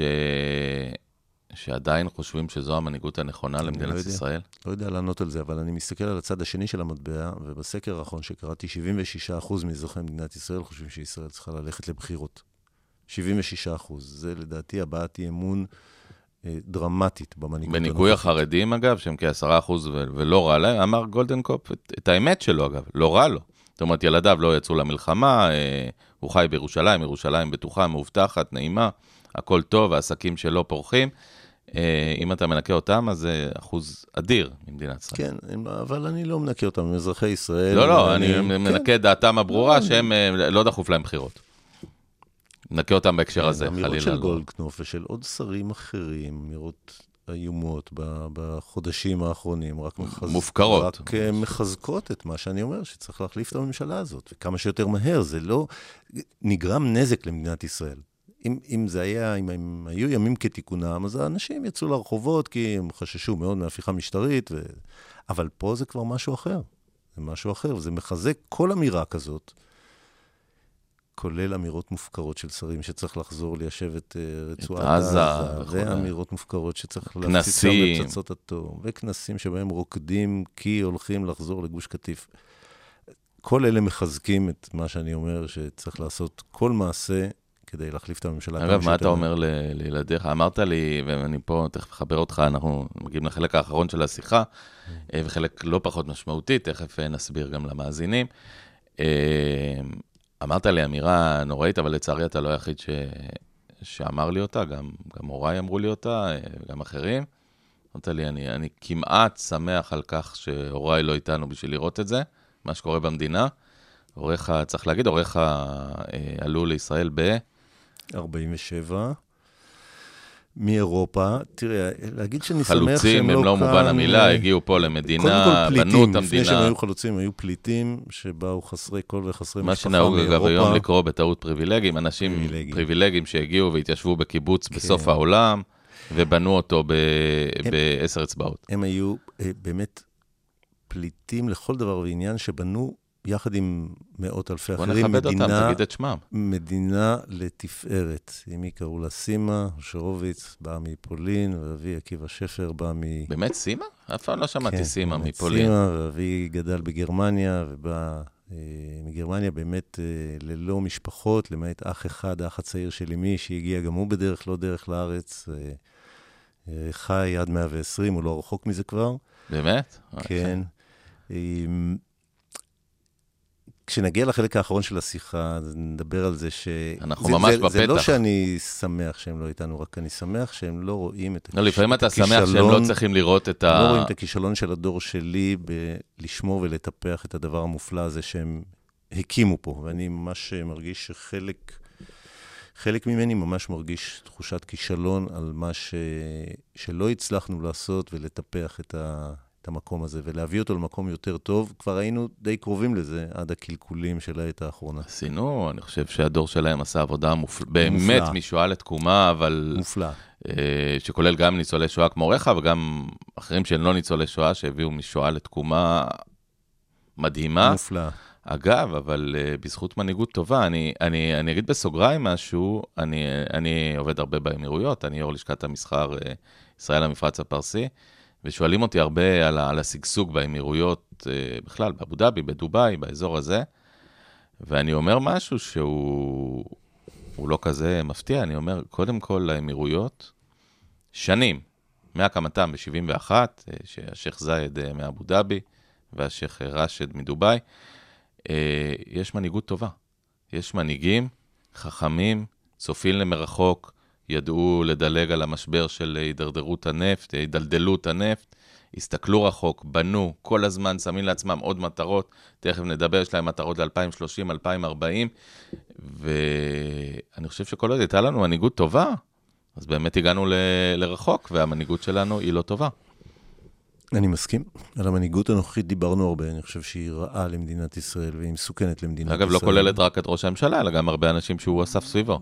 אני מסכים, ואני גם מסכים למה שאמרת קודם, שחלק גדול מאוד מהשגשוג של ישראל עד השנים האחרונות אה, נשען על מנהיגות חזקה, שעם חלק גדול ממנהיגיה לא הסכמתי, אבל זה לא משנה, הייתה מנהיגות אבל חזקה הם היו אנשים- ונחושה, הם היו אנשים רציניים שטובת ישראל לנגד עיניהם, ויחד עם זאת כדאי להגיד, המנהיגות הישראלית לאור 75, עוד מעט 6 שנות קיומה, נמנעה מכמה מוקשים, שהיום אנחנו רואים אותם, שאם, שאם לא נפרק אותם, הם, אה, הם פה. הם- הם- מ-67 צפונה, לפחות. הם פה, לא, גם לפני זה. גיוס אה, חרדים, כן, יחסי. דת ומדינה, הרבה דברים לפני זה. אה, מוקשים, היעדר חוקה לישראל, מוקשים שכשהם לא פורקו, אנחנו רואים אותם היום אה, צפים על פני השטח. בניגוד אגב למוקשים ישנים, אה, הם- הם גדלים, הם לא הם נשארים גדלים. באדמה. אני חושב שכל מנהיגות עתידית שתהיה ב- בישראל, תצטרך לעסוק בהם בדרך זו או אחרת. כי אחרת חיברת נגיע אותנו לאותו עכשיו. מקום. אה, אתה יודע, תמיד אומרים בקורסי ניהול, כל מי שעשה, למד, אה, אוניברסיטה ומה שאתה רוצה, אה, אומרים תמיד שאתה בא למנהל שלך, אל תביא בעיות, תביא פתרונות. מניח שזה גם חלק מהגישה בחיל אוויר, שידוע בתרבות הניהול המוצלחת שלו. אה, אתה בעצם באמת אחד מאלה שלא רק מביאים בעיות, אלא גם אה, מביאים פתרונות.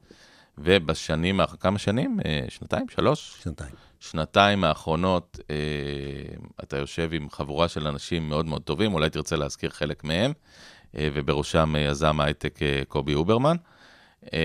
אנשים שמוכנים לשים גם מזמנם וגם צריך להגיד מהונם, וזה משהו שהוא גם לא, לא מובן מאליו, בשני המקרים. ולהציע לישראל תוכנית אה, יציאה מהבוץ. התחלתם עוד שהבוץ היה דליל, היום הבוץ הוא עמוק ותובעני, הרבה יותר ממה ששיערתם אולי שיצאתם לדרך. אז אנחנו מדברים על יוזמת המראה למאה, אה, שמדברת בעצם על אה, 100 שנה למדינת ישראל, אה, 2048. אה, ובוא ספר לנו, יש לנו רבע שעה שמוקדשת לך ליוזמה, כן. אה, ואולי תצליחו בטוח, אה, להציל את המדינה. בואו נתחיל מהשמות. אז באמת קובי אוירמן, שהוא חבר יקר ואיש... אה, רגע, אתה יושב. בבית שלך, בהרי ירושלים היפים, מזג בוא- האוויר בוא לא- טוב, בוא נעים. לא נלך להיסטוריה הזו, ההי- ההיסטוריה לא. משנה. התקשר אליי קובי, אנחנו מכירים כבר כמה שנים, ואמר, תשמע, בוא... בוא נעשה. כן, בוא נניע את הדבר הזה, זה מבוסס על דברים שהוא עשה כבר בעבר עם כל מיני אנשים. אני לא אזכיר שמות, כי בוודאי, לא אגיד את כולם, הרבה אנשים היו שותפים. אתה רוצה להזכיר אחד, שניים, שלושה, בכל זאת? לא, ואמרנו, אוקיי, צריך להכין תוכנית למדינה הזאת, כדי שאפשר יהיה לממש אותה ביום שתהיה פה מנהיגות שתרצה לממש אה, תוכנית פעולה שתביא את ישראל לשנתה המאה כמדינת מופת. כמו שכולנו רוצים, כמו שהוריך שתהיה. חלמו וקיוו. אה, כן, ו- כמו ו- שדורות של אנשים אה, שבנו את המדינה הזאת עוד הרבה לפני הוריי, חלמו עליה ורצו ש, שתהיה פה.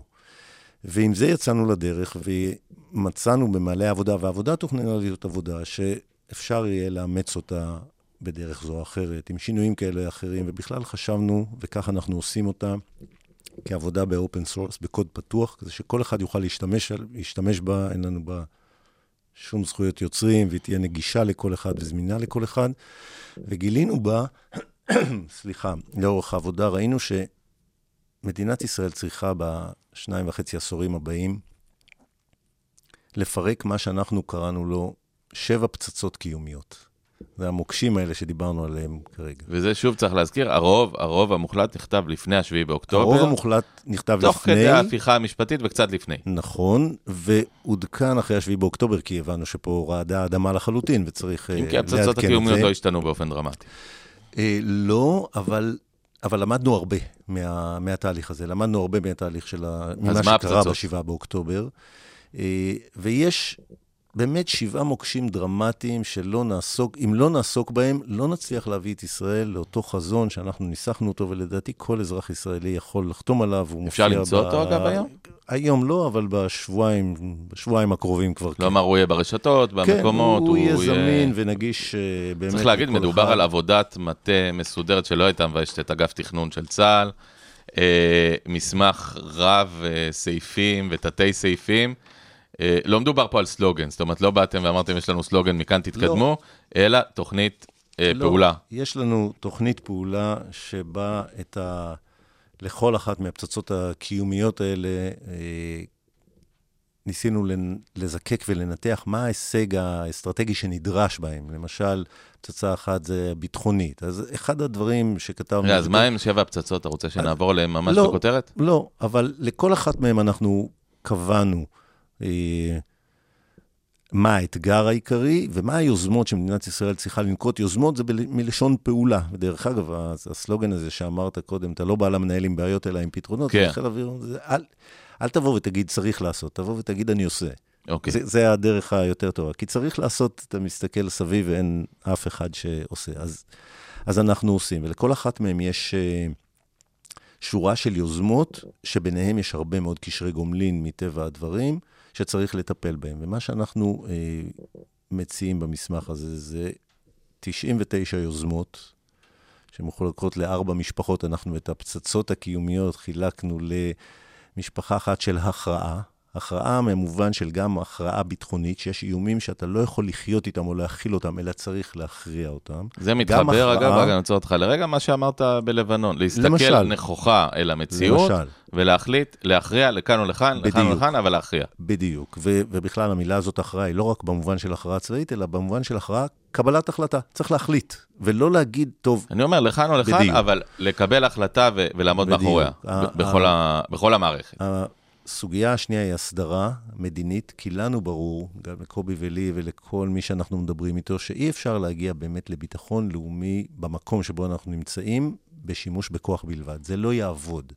אם אנחנו באמת רוצים לחיות פה ולהיות מדינה משגשגת, שהיא באמת אה, דוגמה ומופת, אנחנו צריכים להשעין את הביטחון הלאומי של ישראל על רגל מדינית ועל רגל צבאית. אי אפשר בלי זה, ולכן היוזמה השנייה היא יוזמת הסדרה. שהיא, דרך אגב, להבנתנו תיקח הרבה מאוד זמן, והיא חייבת להיות מבוססת על תמונה אזורית, ולא על תמונה בילטרלית. סיימנו עם העידן הבילטרלי, לא, לא יושבים עם הפלסטינים, יושבים עם כל לא, העולם. לא, אפשר לשבת עם הפלסטינים. לא, אני אומר, יושבים אבל, עם, כל מדינות ערב, עם ארה"ב, עם אירופה. יושב עם כל האזור. וסוגרים. עסקת חבילה נרחבת. כן, ומסתכלים על היתרונות שכולם יכולים להפיק מזה. הרי היום אנחנו מבינים שאפילו האיומים הם משותפים. לכולם. זה לא נכון. רק שאיראן מאיימת על ישראל, היא מאיימת על כולם, אז יש לך שותפים במפרץ. ואחרי יוזמות אברהם, זה, זה בוודאי, אחרי הסכמי אברהם, זה בוודאי יותר ברור. יש אה, יוזמת שלום ערבית מ-2002, יש סעודים שמוכנים כבר לצאת לדרך, יש אמריקאים ששמים יוזמה על השולחן. ברור לנו לגמרי שהתמונה בהסדרה תהיה הרבה יותר רחבה מרק אה, בילטרלית. יש משפחה של ארבע יוזמות שקראנו להן הבראה. שזה כלכלית חברתית, ושזה חינוכית, ושממשלית חוקתית, אקלימית סביבתית. ברור לנו שמדינת ישראל בשנים הבאות צריכה להתמודד עם אתגרים סביבתיים קשים מאוד גם עם סוגיית האקלים, אבל גם לא. אוכלוסייה של מדינת ישראל בשנתה המאה תהיה כפולה מעכשיו. זה וואו. קצב ריבוי האוכלוסייה פה, אז יהיו פה במקום אה, שמונה או תשעה מיליון ישראלים, יהיו חמישה עשר או כן. עשר או יותר, אז צריך להיערך לזה. ושוב, אנחנו לא, לא נגענו אה, בסוגיה של אה, דמוגרפיה, ערבים, אז, יהודים, אז אנחנו, אז כל ואתם זה, נוגעים בזה אז כמובן. אז כל אלה הם פצצות שאנחנו מציעים יוזמות כדי לקדם אותן. אה, והדבר האחרון זה יוזמה שקראנו לה הנהגה, כי אנחנו מבינים שמדינת ישראל מוכרחה, כדי להתקדם, דיברת קודם על מנהיגות, מוכרחה לפתח אה, שדרה של מנהיגים שייכנסו גם למגרש הפוליטי וגם למגרש הציבורי וגם לחינוכי והחברתי, לכל העולמות האלה, אבל ייכנסו לא רק בגלל שהם אנשים טובים, אלא ייכנסו גם עם הכשרה משמעותית שהם קיבלו לאורך השנים, עם הבנה עמוקה של סוגיות אסטרטגיות, כלכליות, חברתיות, כל מה שצריך. אז היוזמה האחרונה, או המשפחה האחרונה, יוזמות שעוסקות בהנהגה. ואחרי כל זה זיקקנו רשימה של 19 יוזמות מכל ה-99, שבהם אנחנו מציעים להתחיל כדבר ראשון. חלק אפשר להתחיל עכשיו. אני אומר שוב, במידה רבה של דאגה, שאני חושב שהממשלה הנוכחית גם לא תרצה וגם לא תוכל להניע תוכנית כזאת. אמ, אבל אנחנו לא מחכים, אנחנו מתחילים לפעול במה שאפשר. חשפנו את התוכנית כבר ללא מעט אנשים וקיבלנו הערות בלתי רגילות, ואני מניח שבשבועיים הקרובים אנחנו נשלים אותה היא תהיה נחלתו של כל מי שירצה להיעזר בו, להיעזר בה.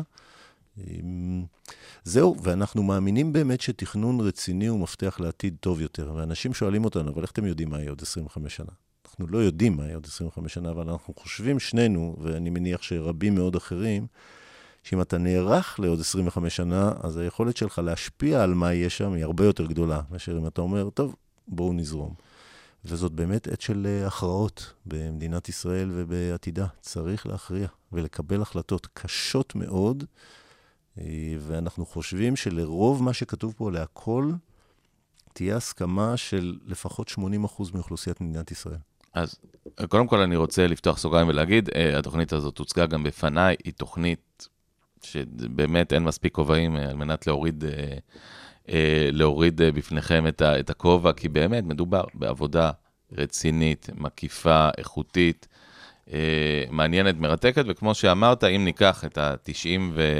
את ה-19, בוא ניקח את ה-19, לא 99, את ה-19 נקודות הממש הבסיסיות הבוערות, בוא נגיד 16-17 מהם, הרבה מאוכלוסיית ישראל יכולה להסכים בקלות, אגב, יהודית וערבית כאחד.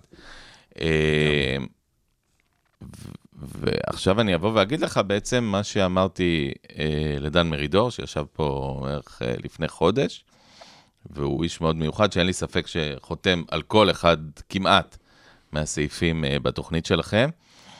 אה, אמרתי לו, תשמע, אתה יודע מה הבעיה שלך? שאתה משעמם. מה זאת אומרת משעמם? דן מרידור הוא לא איש משעמם, הוא איש מרתק. המחשבות שלו, הן עמוקות ומעמיקות ולא סלוגניות, והשומע הממוצע שנמצא בין גיל 15 אה, ל-35, הוא, הוא שומע את המחשבות האלה והוא מתעייף. ומהצד השני, אה, מגיע, אפילו לא נזכיר שמות עכשיו מישהו, ואומר, עד הניצחון המוחלט. עכשיו, עד הניצחון המוחלט זו סיסמה שמהבן שלי, שהוא הקטן, שהוא בן שבע, עד ל, ל, ל, לדודך, אח של אמך, שאמרת שעוד איתנו, ובטח מתקרב לגיל 100. בן 97 עוד בן 97, כולם יכולים להבין, עד הניצחון המוחלט, אנחנו מבינים מה זה אומר, אולי אנחנו יכולים לשבת כאן, אתה ואני, ולהבין כמה זה אידיוטי וחסר תוחלת, ואולי אפילו מסוכן, אבל, אבל, אבל זו סיסמה. ויותר קל למכור סיסמאות מאשר תוכניות אה, מעמיקות. והשאלה מה, מה אתם מתכוונים לעשות עם זה, כלומר, אם אני מסתכל על הניצחון של הבן גביריזם, על המרידוריזם, נקרא לזה ככה, כלומר, הסיסמאות החלולות והריקות והפשוטות והפתרונות קסם, לעומת התהליכים הארוכים, המסובכים, אבל הבריאים, אה, הוא, הוא פושע אולי גם בכל העולם, ובוודאי גם אצלנו. איך אתם מצליחים לקחת באמת כזאת תוכנית ולהעביר אותה בציבור, לפשט אותה לציבור? זו שאלה מצוינת, שכרגע אין לי עליה תשובה, אלא שאני אה, מסתכל אחורה, אני מקווה שזאת לא טעות, ואומר שהדברים הטובים שקרו, קרו לא בגלל פופוליזם, אלא בגלל שבסופו של יום הדברים יותר עמוקים ויותר נכונים ניצחו באופן ממוצע. ולכן התקדמנו. בוא נגיד גם אה, נתניהו, שהיה שר אוצר, בתחילת דרכו עשה דברים נפלאים למדינת ישראל ולכלכלתה. זאת אומרת שזה לא רק עניין פרסונלי, זה עניין של, אה, של לאן אתה חותר. ואנחנו, אני מסכים איתך לגמרי שה click baits האלה של הדברים הנגטיביים, שכל כך קל אה, להדהד אותם, הם אתגר שצריך להתגבר עליו. כי לפעמים אי אפשר להביע רעיון מורכב באמצעות אה, צירוף של שתי מילים אה, קליט. אני לא אומר את זה כתירוץ, אני אומר את זה רק כי כרגע השאלה הזאת היא, היא לא מפוצחת, ואנחנו בהחלט צריכים uh, לפצח אני, אותה. אני, אני אמקד אותך, מוציא היום חבר הכנסת uh, צבי סוכות, שצריך להזכיר שהוא בדוקאי שב"כ, ובעיניי איש שלא לגיטימי שיהיה באולפנים בדוקאי שב"כ בעברו, לא שירת בצבא כי אמר שאין לו אמון בצבא. אדם קיצוני שבקיצונים, מוציא היום, ראיתי בבוקר, uh, הודעה קצרה, לא תהיה מדינה פלסטינית בין הים לירדן, לעולם. אה, עכשיו, הוא לוקח בעצם את המסמך המדהים הזה, שעבדת עליו שנתיים טובי המוחות, והוא מוציא, כמו שאמרת, click bait של אה, 20 מילה, ו... ואנשים מסתכלים, אומרים, וואלה, אתה יודע מה, צודק, מדינה עכשיו, פלסטינית, כן, לפלסטינים, אבל... אחרי מה שהיה. עכשיו, בשביל להבין למה זה לא נכון, צריך לשבת ולהעמיק במסמך לא, החכם שלך, ולהבין לא. שזה אינטרס שלנו אולי, שתהיה למה, הסדרה. בשביל להבין למה זה לא נכון, או לממש את ההבנה של למה זה לא נכון, צריך קודם כל מנהיגות ראויה. וזאת לא המנהיגות הישראלית הקיימת. ויש מנהיגים כאלה בישראל, הם רק כרגע לא ראש ממשלה, והם צריכים להיות. וכשיש מנהיג שטובת המדינה לנגד עיניו, וברור לו, וברור לו, שאי אפשר לבסס ביטחון לאומי רק על כוח צבאי, אז הוא ידע להוביל את העם למקום הזה שבו צריך לבסס גם שורה של הסכמים מדיניים. יכול להיות שזה ייקח עשר שנים, יכול להיות שזה ייקח עשרים שנה, אני לא יודע. אבל אם זה יושב לך בראש כקצה הדרך, זאת אומרת, קצה הדרך, הביטחון שלנו מבוסס באמת גם על הסכמים מדיניים וגם על כוח צבאי חזק מאוד, שעליו לא נוכל לוותר. אנחנו חיים בסביבה הזאת. ואם זה לא יושב לך, כלומר, אם אתה שייך אז, לאלה שאין, הפלסטינים, היה להם את ההזדמנות שלהם. אני חושב שמנהיג רציני, קיבלו, נכשלו, עכשיו הכוח ידבר. אני בכלל לא מסתכל על הפלסטינים, אני מסתכל עליי. אני אסתכל על הפלסטינים גם, אולי, אבל זה בכלל לא האישו. השאלה איך אני... אתה אומר, הסדרה למען מדינת ישראל, בוודאי, לא למען אזרחי, מדינת פלסטין. למען הילדים שלי, למען הנכדים שלי, כדי שאנחנו נוכל לחיות פה בשקט, אבל לא שקט מדומה, כמו שאמרת קודם, אלא שקט עמוק ומבוסס. זה, הוא חייב להיות מבוסס על, גם על הסכמים מדיניים. וכשאומר צבי סוכות, אה, שהוא... לא יודע אם אפשר לחבר כמשל, בכלל את המילה כמשל, מנהיג, כן. קטן מאוד לדבר הזה, אבל כשאומר ראש הממשלה נתניהו את זה, וזה נובע שוב, לדעתי, מרצונו להיות לעד ראש ממשלת ישראל, כי הרי הניצחון המוחלט לא יבוא, אם נחכה עד שהוא יבוא, הוא לא יבוא אף פעם. אתה כן. מבין כמה דרושה פה מנהיגות אחרת, ולכן אני שוב חוזר למה שאמרתי קודם על, אה, על גנץ ואייזנקוט, שאני אומר, זאת ההזדמנות להביא מנהיגות ראויה למדינת ישראל. צריך להניע את המהלך הזה, כי אחרת כל מה שנדבר פה על תוכניות, כשהמנהיגות שלך היא, היא מקולקלת והיא כל כך איומה, אז זה לא משנה איזה תוכניות יש, הם לא, לא ירצו לממש אותן. ולכן אה, כל התוכניות בלי מנהיגות ראויה, שוות מעט מאוד, וזה האתגר הראשון שלנו במעלה. איפה, אה, מי, מי שמתעניין, מי שרוצה לשמוע, מי שרוצה לדבר, להצטרף, להשתלב, איפה, איפה אפשר יהיה אז למצוא אתכם? בוא נגיד, אה, בוא נגיד, אנחנו מקליטים היום ב-15, ב-15 בפברואר, בטח זה יהיה ברשת היום בערב, מחר בערב זה כבר יהיה ברשתות. אה, איפה אפשר בעוד, אה, נגיד לקראת סוף פברואר, למצוא אתכם, לחפש?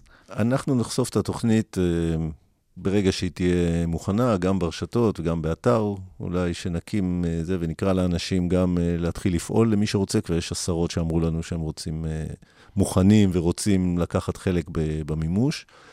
אז אנחנו נתחיל. למה אתם מוכנים זה... לביקורת? שמאלנים, בוגדים, מחפשים להחליף שלטון בזמן מלחמה? מוכנים. מכונת הרעל. בלי קשר לעבודה הזאת, זה ביקור של... הפרגולה בבית שלך, אני לא יודע אם יש או אין.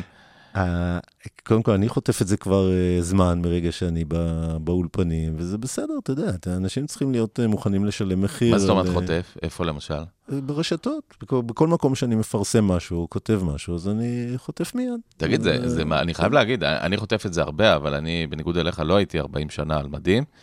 אה, כמעט 40, נכון? אה, לא, פחות. 38, 38 שנה על מדים. כמעט שלוש שנים בתעשייה האווירית, שזה די מדהים. אני, לא אלוף בצה"ל, אני, אני, אני הייתי מאוד נעלב, כאילו, אם היו מציירים אותי כ... אתה יודע, עושים את זה לאהוד ברק, שקצת תרם גם יותר ממני למדינה. כן, וגם יותר ממני. זה לא כיף גדול, אבל אם להיעלב או לא, זה בחירה שלך. אבל זה מעליב באיזשהו מקום, אני חייב לשאול, לא- כאילו... לא.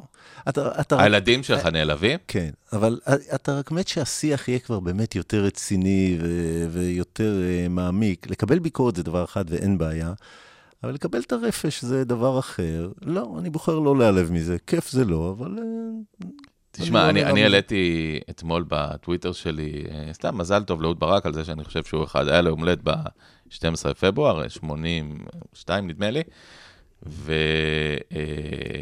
ונהייתי מזל טוב על זה שאני חושב שהוא אחד הישראלים המרשימים ביותר שחיים היום, והוא איש חד ומפוקח ואמיץ. וכמות הרעל שחטפתי, עכשיו לא חטפתי אותה בשביל עצמי, חטפתי אותה אה, בשביל אהוד ברק. ואני אמרתי לעצמי, זאת אומרת, איך הגענו למצב, אז אפשר להסכים ולא להסכים, אפשר להגיד אפילו שאהוד ברק, הרעיונות שלו לא טובים, והכל בסדר.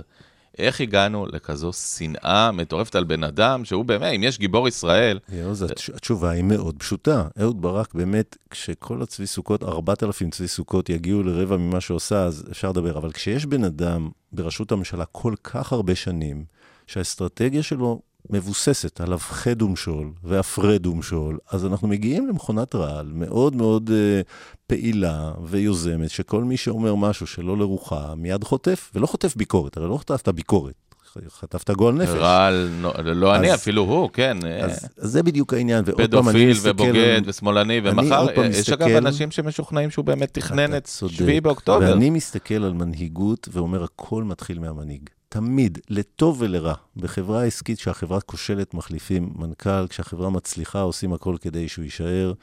ביחידה צבאית אותו דבר, כשהגדוד שלך מפורק, מחליפים מג"ד, וכשהטייסת שלך אה, מתפרקת, מחליפים מפקד, תמיד. רק במדינה אנחנו לא מבינים את הקשר, וזה בדיוק רק בא מאותו לאחרונה, מקום. אגב, בעבר היינו מחליפים אה, בצורה סבירה וסדירה. אז הגיע הזמן שנחליף, אני אופטימי, הגיע הזמן שנחליף עכשיו. אה, אני רוצה לשאול אותך לסיום, מה- מה הסיכוי שנשב פה בעוד שנה ונגיד שבאמת יש לכם תוכנית נהדרת ואתם אנשים מקסימים, ורק צריך להחליף את המנהיג בשביל שזה יקרה, ונשב ונסתכל על אותו מנהיג וניילל ש... אני חושב שהסיכוי שזה יקרה הוא נמוך. תסביר. אני חושב שאנחנו נגיע לבחירות במהלך התקופה הלא, לא רחוקה, בעזרת עד הקיץ הקרוב. אנשים יצטרכו לצאת לרחובות, או ש... אנשים יצטרכו לצאת, והמנהיגות האופוזיציונית תצטרך לצאת, ואנשים יצטרכו להגיד לעצמם, אנחנו נשלם את מה שצריך כדי להחליף מנהיגות מה, אחרת. ליל כל הדברים גלנט אה, ב- במכפלות? במכפלות, אולי ברצף, אולי, אה, לא יודע, אולי לא חוזרים הביתה כל אה, מוצאי שבת אחרי ההפגנה, אולי נשארים על הכבישים ולא אה, חוזרים... אה, אני חושב שפשוט אין לנו ברירה, אחרת כל התחלואים שדיברת עליהם ודיברנו עליהם פשוט יימשכו. אני לא רואה דרך לתקן את מה שכל כך צריך תיקון עם המנהיגות הקיימת. אתה מרגיש, אגב, שיש, אה, אתה יודע, איזשהו, נניח בן אדם חולה לב, אז אומרים לו, אתה צריך לעשות ניתוח לב. לא, אתה לא דחוף, אתה יכול עוד חצי שנה, עוד שנה, אבל אם לא תעשה אותו עוד חצי שנה, שנה, אתה, אתה, אתה, אתה תמות. אני חי בתחושת אתה דחיפות. חושב שיש לנו כאילו חלון שהוא לא, יכול. להיסגר גם? כאילו, אם עוד שנתיים לא יעשה המעשה הזה, אז זהו, אז המדינה הזאת אה, הולכת לכיוונים אחרים לגמרי. אני- אמרת על צבי סוכות, אנחנו- אז הוא ושכמותו ב- ב- בהנהגה. אנחנו כבר עכשיו, ב... לדעתי, ב... ב... באמת במצוקה מאוד גדולה, בחלק מהמקומות המקומות אנחנו מרגישים את זה, בחלק עוד לא. אני חושב שאין לנו זמן. אני מונע מתחושת דחיפות מאוד מאוד גבוהה. אין לנו זמן. אלוף uh, במילואים נמרוד שפר, קודם כל היה אה, תענוג uh, גדול uh, לדבר איתך ולשמוע, אני מקווה שלא, מה שנקרא היום אומרים, uh, חפרנו יותר לא, מדי. היה על הכיפאק. Uh, התוכנית שלכם, כמו שאמרתי, היא מרתקת ומעניינת, ומי שרוצה לא להתעסק ברעל, אלא באמת לקרוא, אני מציע לקרוא אותה, וגם אולי לחלוק על חלק מהסעיפים, ו- ולהציע ביקורת מבורכת, ממש. להציע דברים אחרים, אבל אני חושב שאין ספק לרוב רובם של אזרחים שצריך שינוי, וגם השינוי צריך לבוא מזה שאנשים ידחפו אותו כי הוא לא יבוא מעצמו. אז קודם כל אני מאחל לכם אה, הרבה בהצלחה עם התוכנית שלכם, ולפחות שתוכלו ליישם כמה שיותר מהסעיפים. ואנחנו דיברנו על עוד שנה, אז אה, בואו נקבע מה שנקרא באותו מקום, באותה שעה. בוא אה, נסכם שאם תהיינה בחירות לפני זה, אז ניפגש לפני שנה, ואם לא, אז אל תקרא לי. כבר לא, כבר לא כבר לא יהיה טעם, אתה אומר. אלוף כן. אה, במילואים נמרוד שפר, קודם כל תודה רבה לך. תודה לך, ואנחנו. נגיד גם אה, תודה למאזינים שלנו, אפשר למצוא אותנו באתר של אה, כל האוניברסיטה, מרכז האודיו של אוניברסיטת רייכמן, שמארחים אותנו פה באמת באולפנים המקסימים. אגב, דוגמה לעשייה ציונית, אה, אוניברסיטת. רייכמן שנעשתה. בשכל טוב של אנשים לבן- טובים. לבן אדם שבא ואמר, אני עושה. עושה, ובאמת הביא למקומות מדהימים. אנחנו נמצאים פה, מה שהיה בעבר בסיס נ"מ, צריך להגיד, אכן. אה, הפך אה, להיות אה, מקום די מרשים. אכן. אה, אז תודה לכם, תודה למאזינים, ונאחל לכולם רק תשמרו על עצמכם, זה הכי חשוב בימים אלה. יאללה ביי.